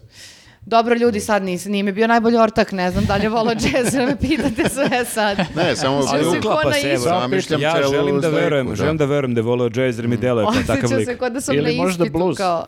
Viski pije bez leda. Taj fazon neki. E, da, da, okej, E, eto, le- eto. lepo smo ovo rešili. Lepo smo rešili, pa dobro, hoćemo pređemo, ali ako E, pređemo na... ali čekaj, ovaj, Aha, ako- izvinjavam vi ste se, svi da, da. završili sa Jesmo, knjigom. jesmo. Okej, izvinjavam. ja imam još jednu stvar samo da repliku. predstavim. Da, Kolika knjiga? da, vidi ovu knjigu. Knjiga je izašla iz žice, e, ispred žice. Jeste, da. Zove se Crni lokvanji. Uh, u pitanju je strip. Koji ima mrtvaka na, na koricama, samo da vam kažem. Mrtvaca. Pa dobro, Mrtvaca. sad thriller je u pitanju, tako da, znaš, moraš Biće- da biće imaš smrti, biće malo krvi Neko je morao biti ubiven. Jeste. Uh, ovaj, uh, autori su Michel Bissi, Frederic Dival i Didier Casgrain, znači uh, jako je zanimljiv strip, osim toga što je thriller, uh, sama, sama ovaj postavka, odnosno okruženje u koje je smešten je fenomenalan. E, znači, stavljen je, stavljena je cela radnja u kontekst e, jednog malog francuskog mesta koje se zove, samo da vidim, da ne, da ne omašim, omašim e, Živerni. I to je... e, Gde je nastao Givenchy? seoce- ne, Izvinite, morala sam mnogo je glupo, ali... ne, ali je tu živeo Claude Monet. Jeste i, baš to da kažem i da i Lokvanji on, često Da. motiv na njegovim slikama. Jeste i e, jako... A, ja sam bio tamo. Jako, stvarno. Ja sam ubio ovog čoveka na Ne, koricama. bio sam u toj kući Kloda Monea. E, pa gde onda... on e, gaj ima svoju ogromnu baštu. Da, i ima sve. šumu Jeste, otprilike, postoji, da, svoju. tamo A, postoji da, da, vrt, da. e, taj njegov koji Zaboravio on sam gradio. se tako zove mesto, izvini. Jeste, on je gradio taj vrt baš nešto dugo i kao taj vrt je posle toga su nastavili da ga održavaju i da ga proširuju, nemam pojma šta to je, praktično je sad to selo e, turistička atrakcija. To je u ono, Normandiji. ogromna. Da. E, uglavnom, e, dešava se u tom e, selu ubistvo i sada dolazi tu jedan mladi detektiv da istražuje to ubistvo, ovaj, odmah kreće sumnja na nekog ovaj, meštanina, ali do- desi se dosta nekih ono preokreta i, i ovaj, zapleta tokom samog... Na tokom- kraju se ispostavi da ga je ubio Claude Monet. Nije, ali... ovaj, Butler, da. Butler Claude Monea. Ovi, ali da, e, zapet, mislim, dobro su iskoristili e, celu tu priču o Moneu da inkorporiraju radnju, u samu radnju, pa su povezali mnoge, mnoge likove sa, sa Moneom i njegovo A slikarstvo. to se dešava sada, ni, ni u vreme Claude Monea. De- ne, ne, dešava se 2010. Aha. se dešava kao jedan deo radnje, ali te oni vraćaju u prošlost. e, U, mislim da se odvija radnja, čini mi se, u neka tri različita razdoblja, ali je to i sve jako dobro povezano. Zapravo, e, shvatiš u posljednjih desetak strana i tu povezanost... Pazi šta pričaš da, sad. Da, pazi. Shvatiš u posljednjih desetak strana kad se des- dešava stvarno razrešenje, ovaj, shvatiš i tu povezanost, eh, na koji način su povezana ta vremena i likovi i naravno shvatiš ko je jel, ovaj, ubica.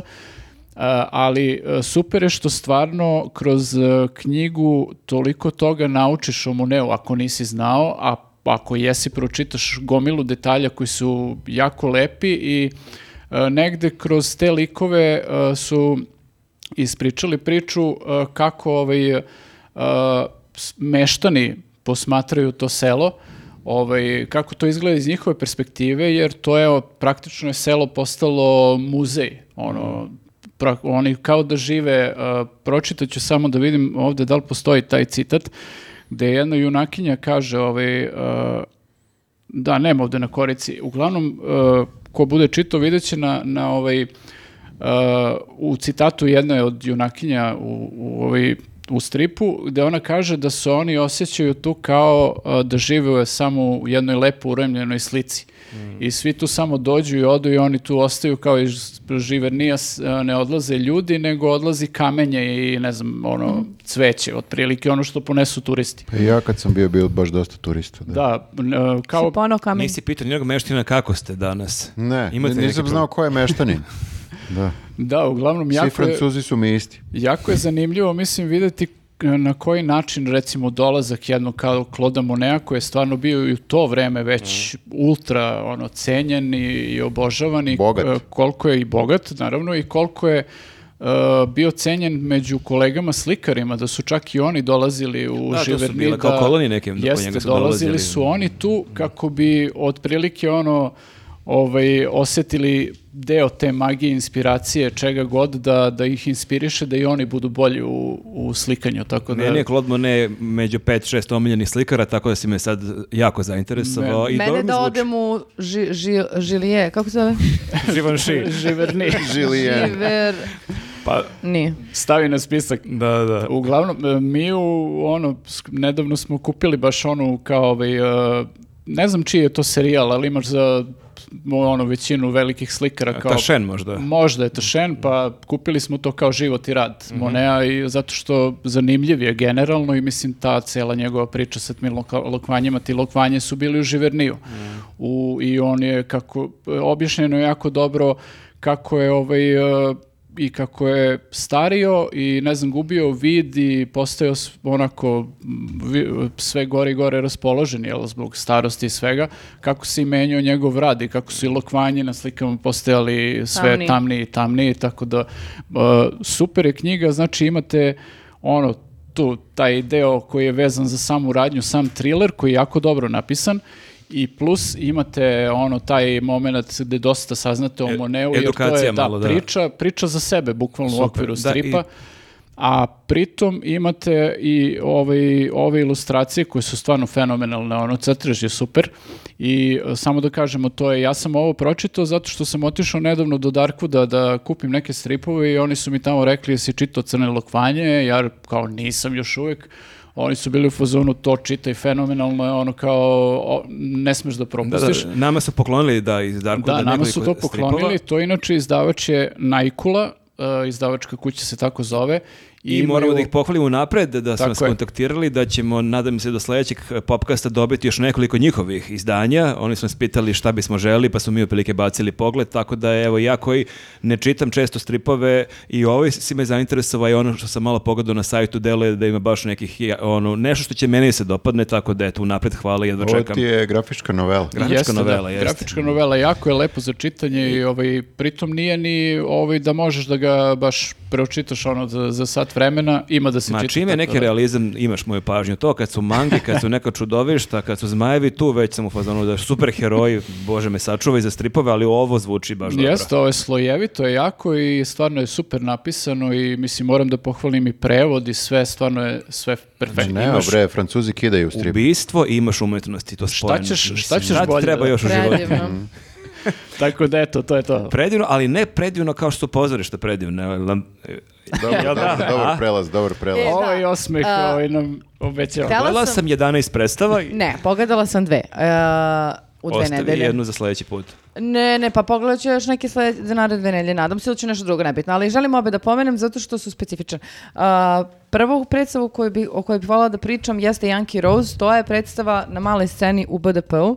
A, reditelj je Miloš Lolić, inače jedan od naših najuspešnijih reditelja u svetu. Čovjek je režirao ono u, po Nemačkoj i Austriji e, samo tako i tačno se vidi ono um, kako bi rekla drugačiji pristup uh, rada i režiji uh, na, na sceni. Uticaj Nemaca. Uticaj, brate, nema da se vrda, Nema da se... šmiranja. Nema šmiranja, nema vrdanja, svi su tačni kao sat i svi su u istoj liniji, znači nema sad malo da ga...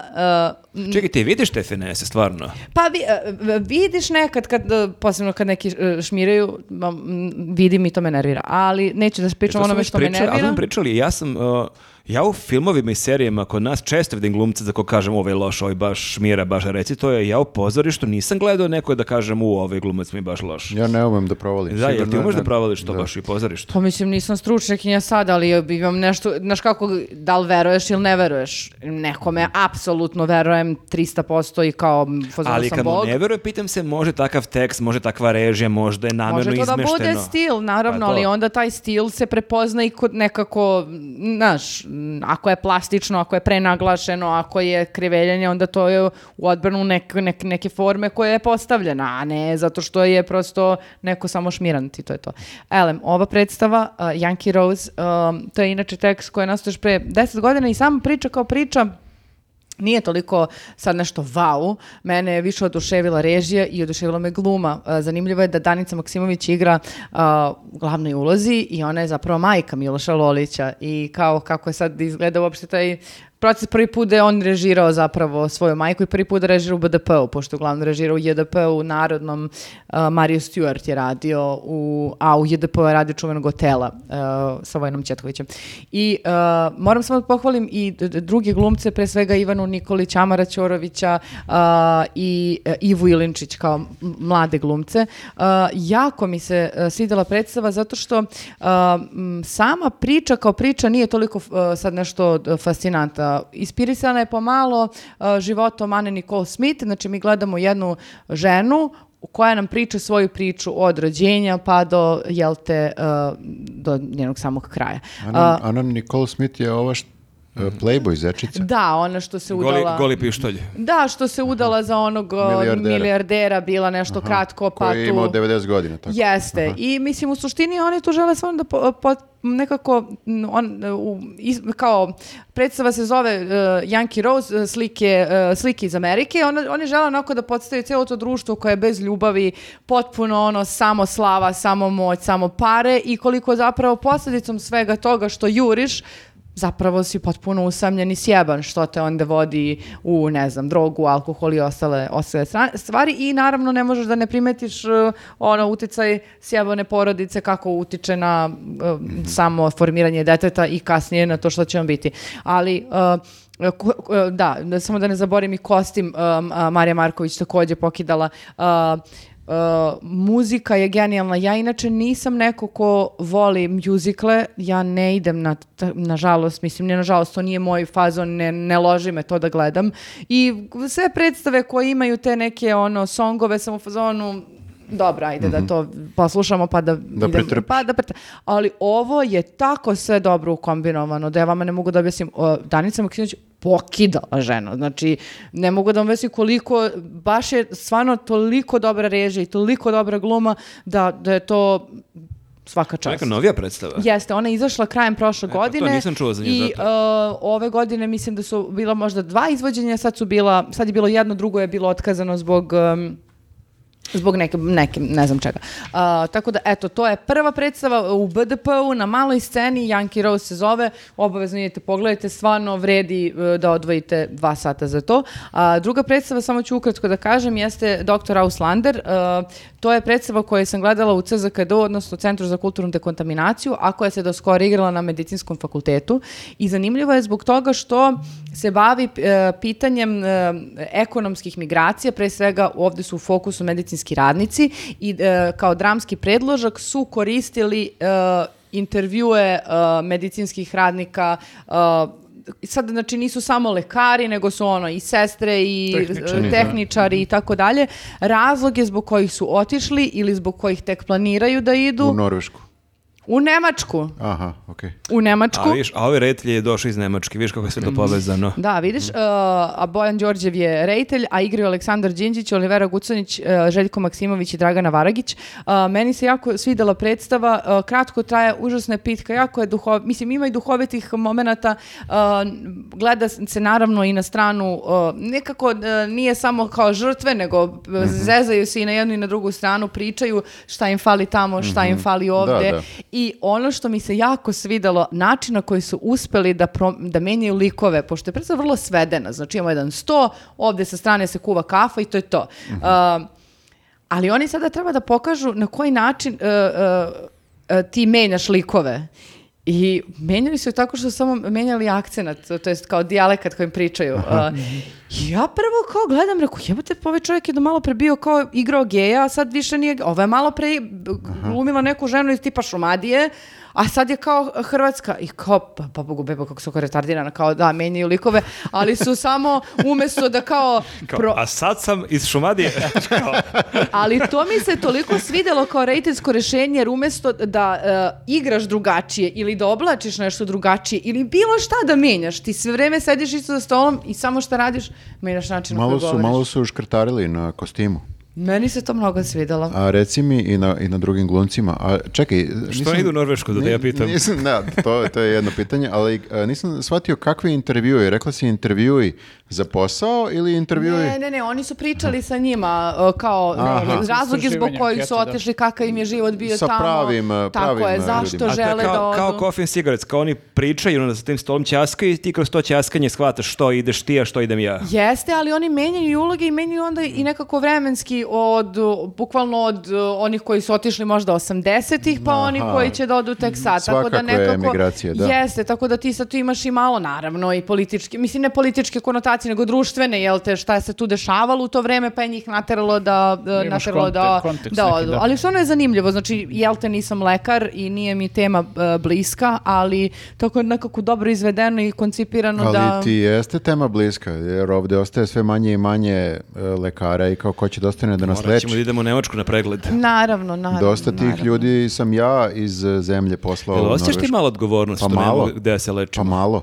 Malo, ali, ali s druge strane, nekako da li ja radim nešto ilegalno, u smislu, da li, ne, Ma ne, ilegalno. ali da ih ti nisi naučio, naučio bih neko drugi. A ne, nisam na to mislio, I mislio neko sam... drugi bi čuvao logor, pa eto, ali nije. Ali ovo nije logor, znači ja tim ljudima uh, pomažem. Znači, A jedino što kad nama odmažem, nama A znaš- Znaš šta odmažem. je fora? Ti si mnogima držao časove preko Skype-a i onda kad budu trebali tebe da leče jednog dana preko Skype-a, možeš ti snimaš kamerom, zineš, snimaš grlo i oni ti kažu. O to možeš sad i da pitaš chat GBT-a ovog, da ti isto Da, kaže on šta ti sve kaže. On ti kaže Onda šta ti mirna šta ti savest. Da. Imam te i te simptome, šta mi je? Apsolutno. A, jel prelazimo dalje? Ja sam, da, ja sam hteo da pričam o jednoj predstavi, ali sam shvatio ukratko. Od prošlog popkasta desilo se da je Dragoslav Mihajlović preminuo i onda sam hteo, prvo sam hteo da spomenem kad su cvetale tikve, ali sam shvatio da su tu knjigu čitali manje više svi, ko nije neki pročita i da je suvišno da o tome pričam, pa sam hteo da pričam o toj predstavi, ali sam danas pogledao i video da ta predstava nije više na repertoaru, tako da ja sam je gledao pre možda manje od godinu dana. Dugo se igrala, ali tako da eto neću o tome pričati. E, vidim da Biković sprema u Beogradskom dramskom novu predstavu, zove se Laž, premijera će biti za par dana, kupio sam kartu ne za premijeru, nego za neko naredno izvođenje, tako da ću o tome pričati, ali možemo pređemo na podcast i na YouTube kanale, Može. ako ima ko što da priča o tome. Ja sam, da, ja isto ne, nisam gledao neku predstavu, ali sam se zato opseo jednim YouTube kanalom. Ovaj, bukvalno sam gledao nekoliko dana kao budala bez prestanka. Zove se, mislim, kanal je jako poznat zapravo, zove se React, 20 miliona ljudi ga prati i sigurno ste naleteli na neki od njihovih a, ovih a, videa gde obično imaju one neke ili klince ili tinejdžere koji znam. reaguju na nešto. Aha, kao prvi put slušaš metaliku i slično. Na primjer, da. Mm.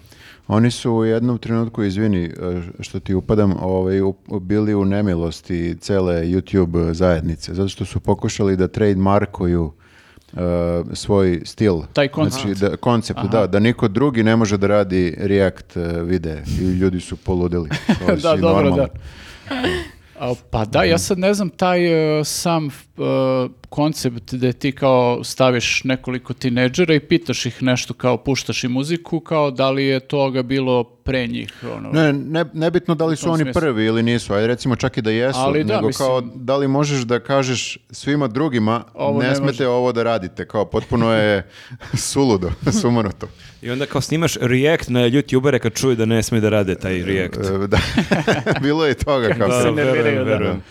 Uglavnom, oni imaju, jako je ovaj šaren kanal, zapravo svašta ima da se vidi, najrazličitije moguće reakcije i ovaj, različiti koncepti generalno, ono, kao videa. Ali ono što je meni bilo zanimljivo je to kako ovaj, klinci a, reaguju na muziku i to na muziku, recimo sad konkretno je dosta onako aktuelno, kako reaguju na muziku iz 90-ih i iz 2000-ih, početci 2000-ih. I sad, ne znam, tu su ovaj, uh, imaš ono od o, ovih baš klinaca malih, pa do tinejdžera, ovaj, meni su nekako, ok, klinci su jako zabavni kad gledaš kako reaguju na neke uh, stvari koje im pustiš, tipa pustim Slipknot ili tako nešto, ili System of a Down, koji uopšte ne mogu skapiraju šta rade, šta je ovo, kao, zašto me mučite. Moji ljudi. Da, da, otprilike to su te reakcije. Mislim, uvek imaš po nekog klinca koji kao vidiš mali psihopata, "Upa, ovo je super, kako nisam znao za ovo." Tako da, ovaj, ali mnogo mi je nekako uh, zahvalnije za gledanje ovi uh, kada tinejdžeri reaguju na, na neke stvari. E, I sad, tu imaš ono od reakcija tipa da, ne znam, nikad nisu čuli recimo za neke bendove iz 90-ih, pa čak iz 2000-ih, a, pa do toga kako posmatraju recimo, ne znam, a, pustim Nirvanin spot i oni komentarišu sad sam spot i ok, muziku. E, većina reakcija je uvek e, ok, pa ovo moj ćale sluša, kao znam ovo, ali e, jako je zabavno kad vidiš da recimo e, ne- e, više puta sam čuo tu reakciju, recimo konkretno na Nirvanu, da je njima prosto ono fenomenalno što vide kao spot u kojem nema golotinje. Znači, oni samo vide normalan spot, mislim, znate, Smells Like Teen Spirit su im puštali. Znate kakav je spot, ono kao, Imaš čak i domara nekog. da, imaš Baš domara, škola je kao ono divlja rulja klinaca koji tu nešto skaču i sve to, ovaj Kurt koji ono peva i svira i sve to. Najviše, najviše je gola ona uh, cheer I slidersica cheerleader- koja uopšte nije da, gola. Da, tako je. Da. I njima je sad to fenomenalno, ovaj, uh, š- kako je spot tako pristojan. To je ono kao formulacija koju su upotrebili i potpuno im je nevjerojatno jer sad kao, ok, kad ti vidiš, na primjer, sad većinu aktuelnih spotova, zaista jeste tako, mislim, ti ako nemaš ono gomilu golih devojaka I i, i tipova i, ti, da. da, i nekih ono plesova, da. zvučimo kao matorci. Evo, u naše vreme znalo se prave vrednosti. Jeste. Ne, ali meni je sad zanimljivo, znaš, ok, mi sad, ok, možeš ti da budeš u toj bumerskoj kao koži pa da si u fazonu ovo danas šta je, kako je bilo u naše vreme. A ali bila je Madonna u naše vreme, pazi, ona Jeste, svakojake ali spotove. opet je to nekako dosta, ne, kad generalno Ali to je pogledam, rušenje kao nekih dosta je granica bilo i ste naivnije. kao pri- slika i prilika stereotipnih, a ovo je samo neko ko mi se čini ali golotinja radi Postalo golotinje. standard. Jeste, Da. ali sad nekako mi se čini da je napravljen pun krug. Sad, znači, imamo klince koji su u fazonu da im se ovo ne sviđa kako izgleda danas. Znaš, sad su kao, ka- kao da su ti klinci Ali postali ako si boomeri. ono. zasjećen, pa da, ali u naše vreme ti si imao normalne spotove, pa se pojavi to Madonna, erotik, pa kao wow, šta je sad ovo na MTV-u?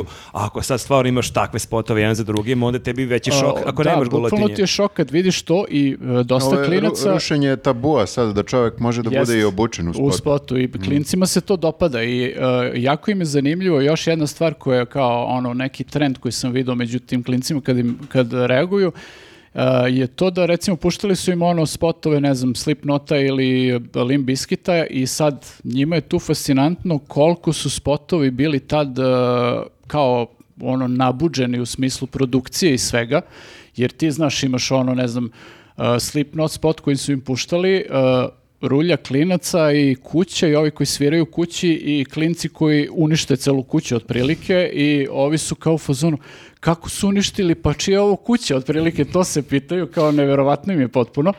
I imaju Limp Bizkit sa druge strane koji komentarišu u smislu Limp Bizkit koji je stalno u spotovima imaju, imao isto gomilu ljudi. Prvo im je to kao kako su ono, otkud im ovoliko ljudi za spot, pa ovo je kao, znaš, prosto cijela ta produkcija im je neverovatna, jer ti danas više, zaista, ja sam ono razmišljao o tome, ti zaista danas više nemaš spotove na tom nivou da A ih čekaj, praviš. a koliko je A teško... kako nema? Ima Beyoncé i Jay-Z u Louvru, ali to brate, su, to su mislim. baš izuzeci. Ali čekaj, to su baš nije izuzeci. sad lakše preko društvenih mreža kaže naš band sutra u pet snima spot, Ne, dođite. jeste, ali Demoliramo znaš šta, tu i tu kuću. Ti ako uzmeš, uzmi, gledaj, ne znam, uh, primjera radi ove neke televizije koje emituju spotove stalno, uzmi Trace Urban, recimo, to je ova neka televizija koja baš šiba aktuelne spotove. Mhm. Ti bukvalno imaš danas spotove koje najveći celebrity uh, rade tako što ih snimaju telefonom u TikTok for- formatu.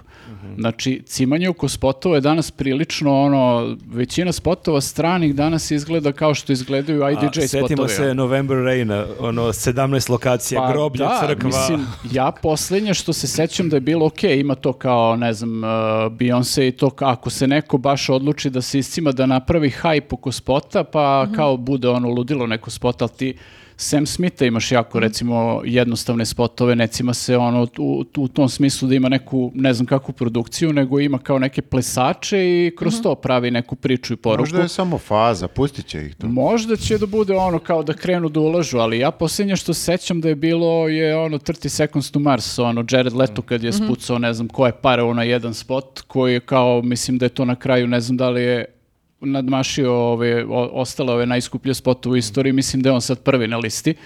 I ovaj, poslije toga se ne sjećam stvarno da je kao ovaj, da, da, da se na to troše neke velike pare. Verovatno su svi u fazonu samo danas da se oglase i onako će da preko društvenih mreža rade kampanje i spot im realno ne treba. Mislim, promenila se dosta i, i cela ono, industrija, ali klinci su mi potpuno neverovatni kad vide te, znaš, ono, kao spotove gde imaš stvarno ozbiljan budžet i produkciju.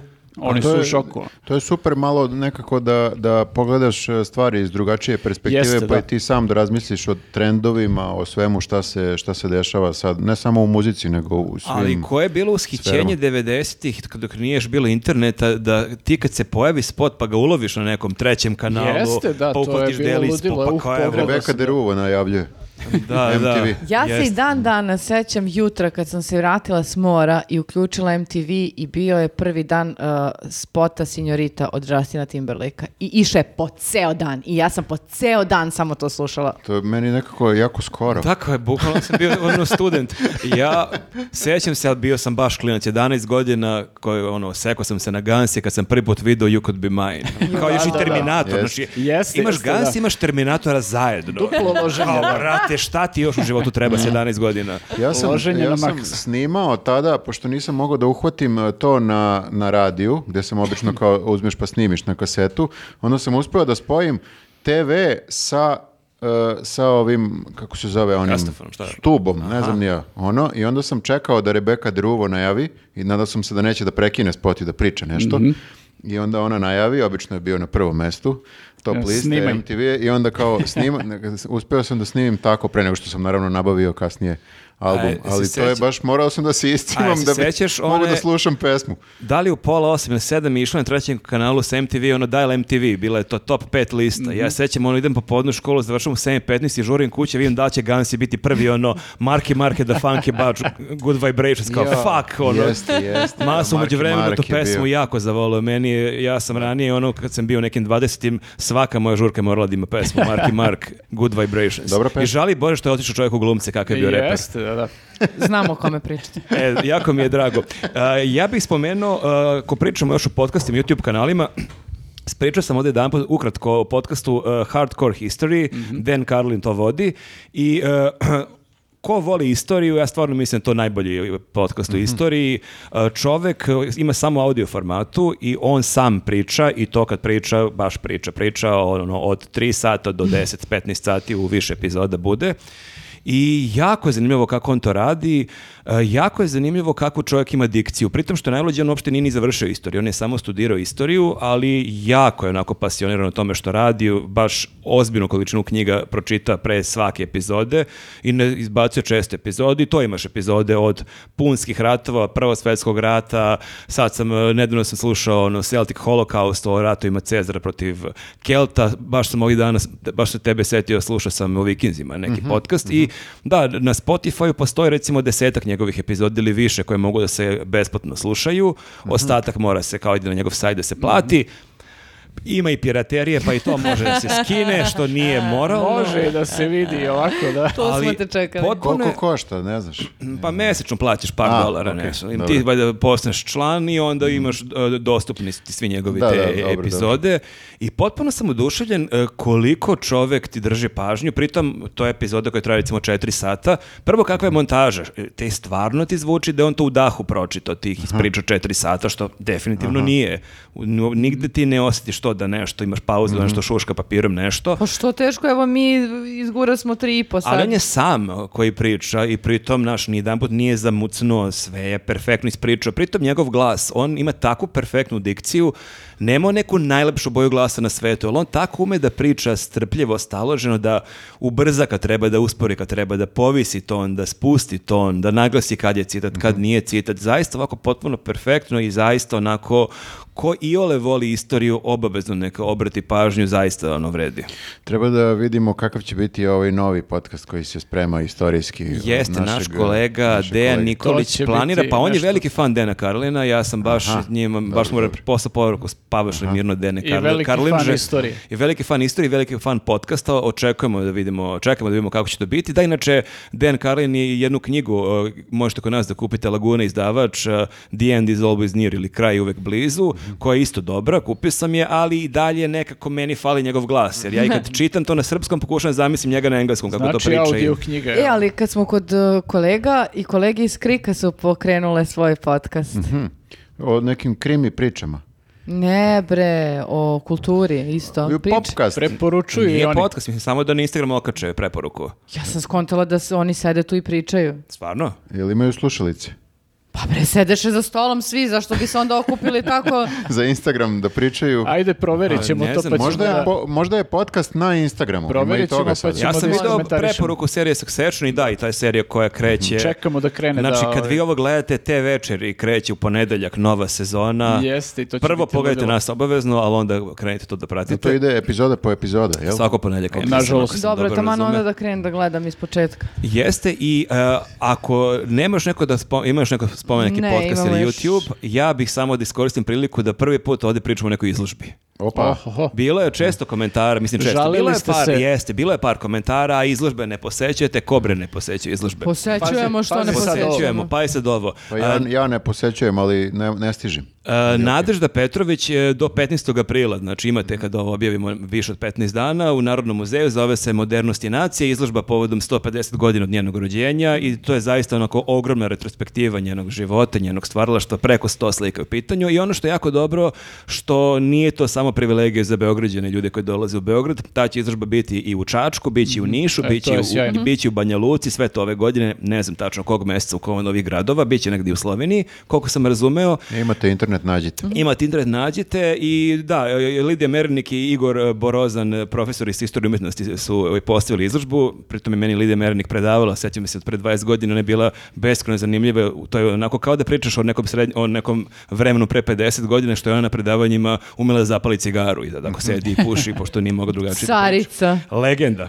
Mislim Tvoj da više to ne može da radi, da, i ako možete, e, vidite kada je stručno vođenje kroz izlo- kroz izložbu, ja sam slušao Igora Borozana, jednog od autora, i to je zaista jedan poseban doživlje, jer vas onako, i dovoljno i sami da pogledate, predivni su njeni radovi još od studentskih dana do kraja života, sve moguće faze njenog stvaralaštva, ali opet ako imate priliku da odete kad neko priča, pa vam ukaže neke detalje koje ne biste sami mogli da vidite, nemojte da propustite, pogotovo gospodina je profesora Borozana koji jako šarmantno i zanimljivo priča, ovako vas provodi kroz faze do faze i eto, da ne bude posle, da nema izložbi, izvoli. Ja sam htjela da dodam, apsolutno, kad smo već na temi izložbi, uh, da je Muzej grada Beograda otvorio svoj salon, uh, to je na bulevaru, tačno preko puta Taša i crkve Svetog Marka, ne možete domanete nikako i konstantno su neke, uh, neke izložbe. Ja sam posjetila Veličkovića, nije Opa. bila, nije bio... Znači, Nemo šest podcasta, popkasta izložbe i sada krećemo dve. Pa ne, ali Padaju maske. uh, sad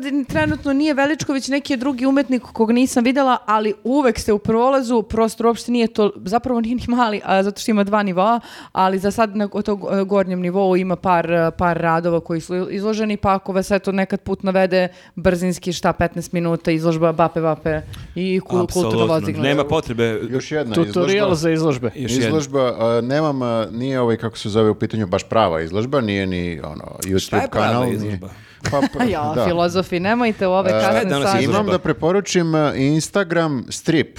Mhm. Instagram strip, to nismo do sad preporučivali. Kao kratki Da. stripići. Pa jesmo na stripoterapiju. E, bravo, je, to smo. I ovo je kao to. Sedmix se zove, Mhm. kao komiks, pa Sedmix, kapirate ta forica. I ima raznorazne, jako dobre i, i igre reči i e, neke potpuno random misli, random, e, kako bih rekao, e, događaje oslikane na jedan jako zabavan i smešan način, pa, pa čekirajte, to sam vam donao da vam poklonim, da, da vam se izvinim za... E, što sam hvala. Ja divan si, hvala ti puno. I Da, evo, Neka, neka, to je primjer. tejno, je li to tejno? Ne znam. to je Uzela onda je, sve uzela. za ovaj podcast, jel tako? Jeste. Koliko smo trajali na kraju? Pa jesmo, možda smo oko tri sata. Ukupno Ukupno tri tri. sata. Pa dobro. Nismo borili rekord. Održavamo tradiciju. Malo smo šjarili, mogli smo pričati ljudi, 20 minuta. dosta smo Imamo dosta smo sastanak, pričali. inače, zato smo požurili. Jeste, ja- inače smo bi bili... Imamo sigurno sastanak. Ja sam teo da pročitam četiri poglavlja iz ove Halilovićeve knjige, to sledeći put. Čitanje, ono, da. Jao, ja sam zaboravila pročitam uvod. Dobro, nema veze, praštit ću. U svakom slučaju vidimo se ponovo za dve nedelje Jeste. i ako ste u Novom Sadu, Vidimo večeras se u dođite. Danas. Večeras. I to je to. Ćao, To je to, ljudi, uživajte. Ćao. Ćao. Ćao.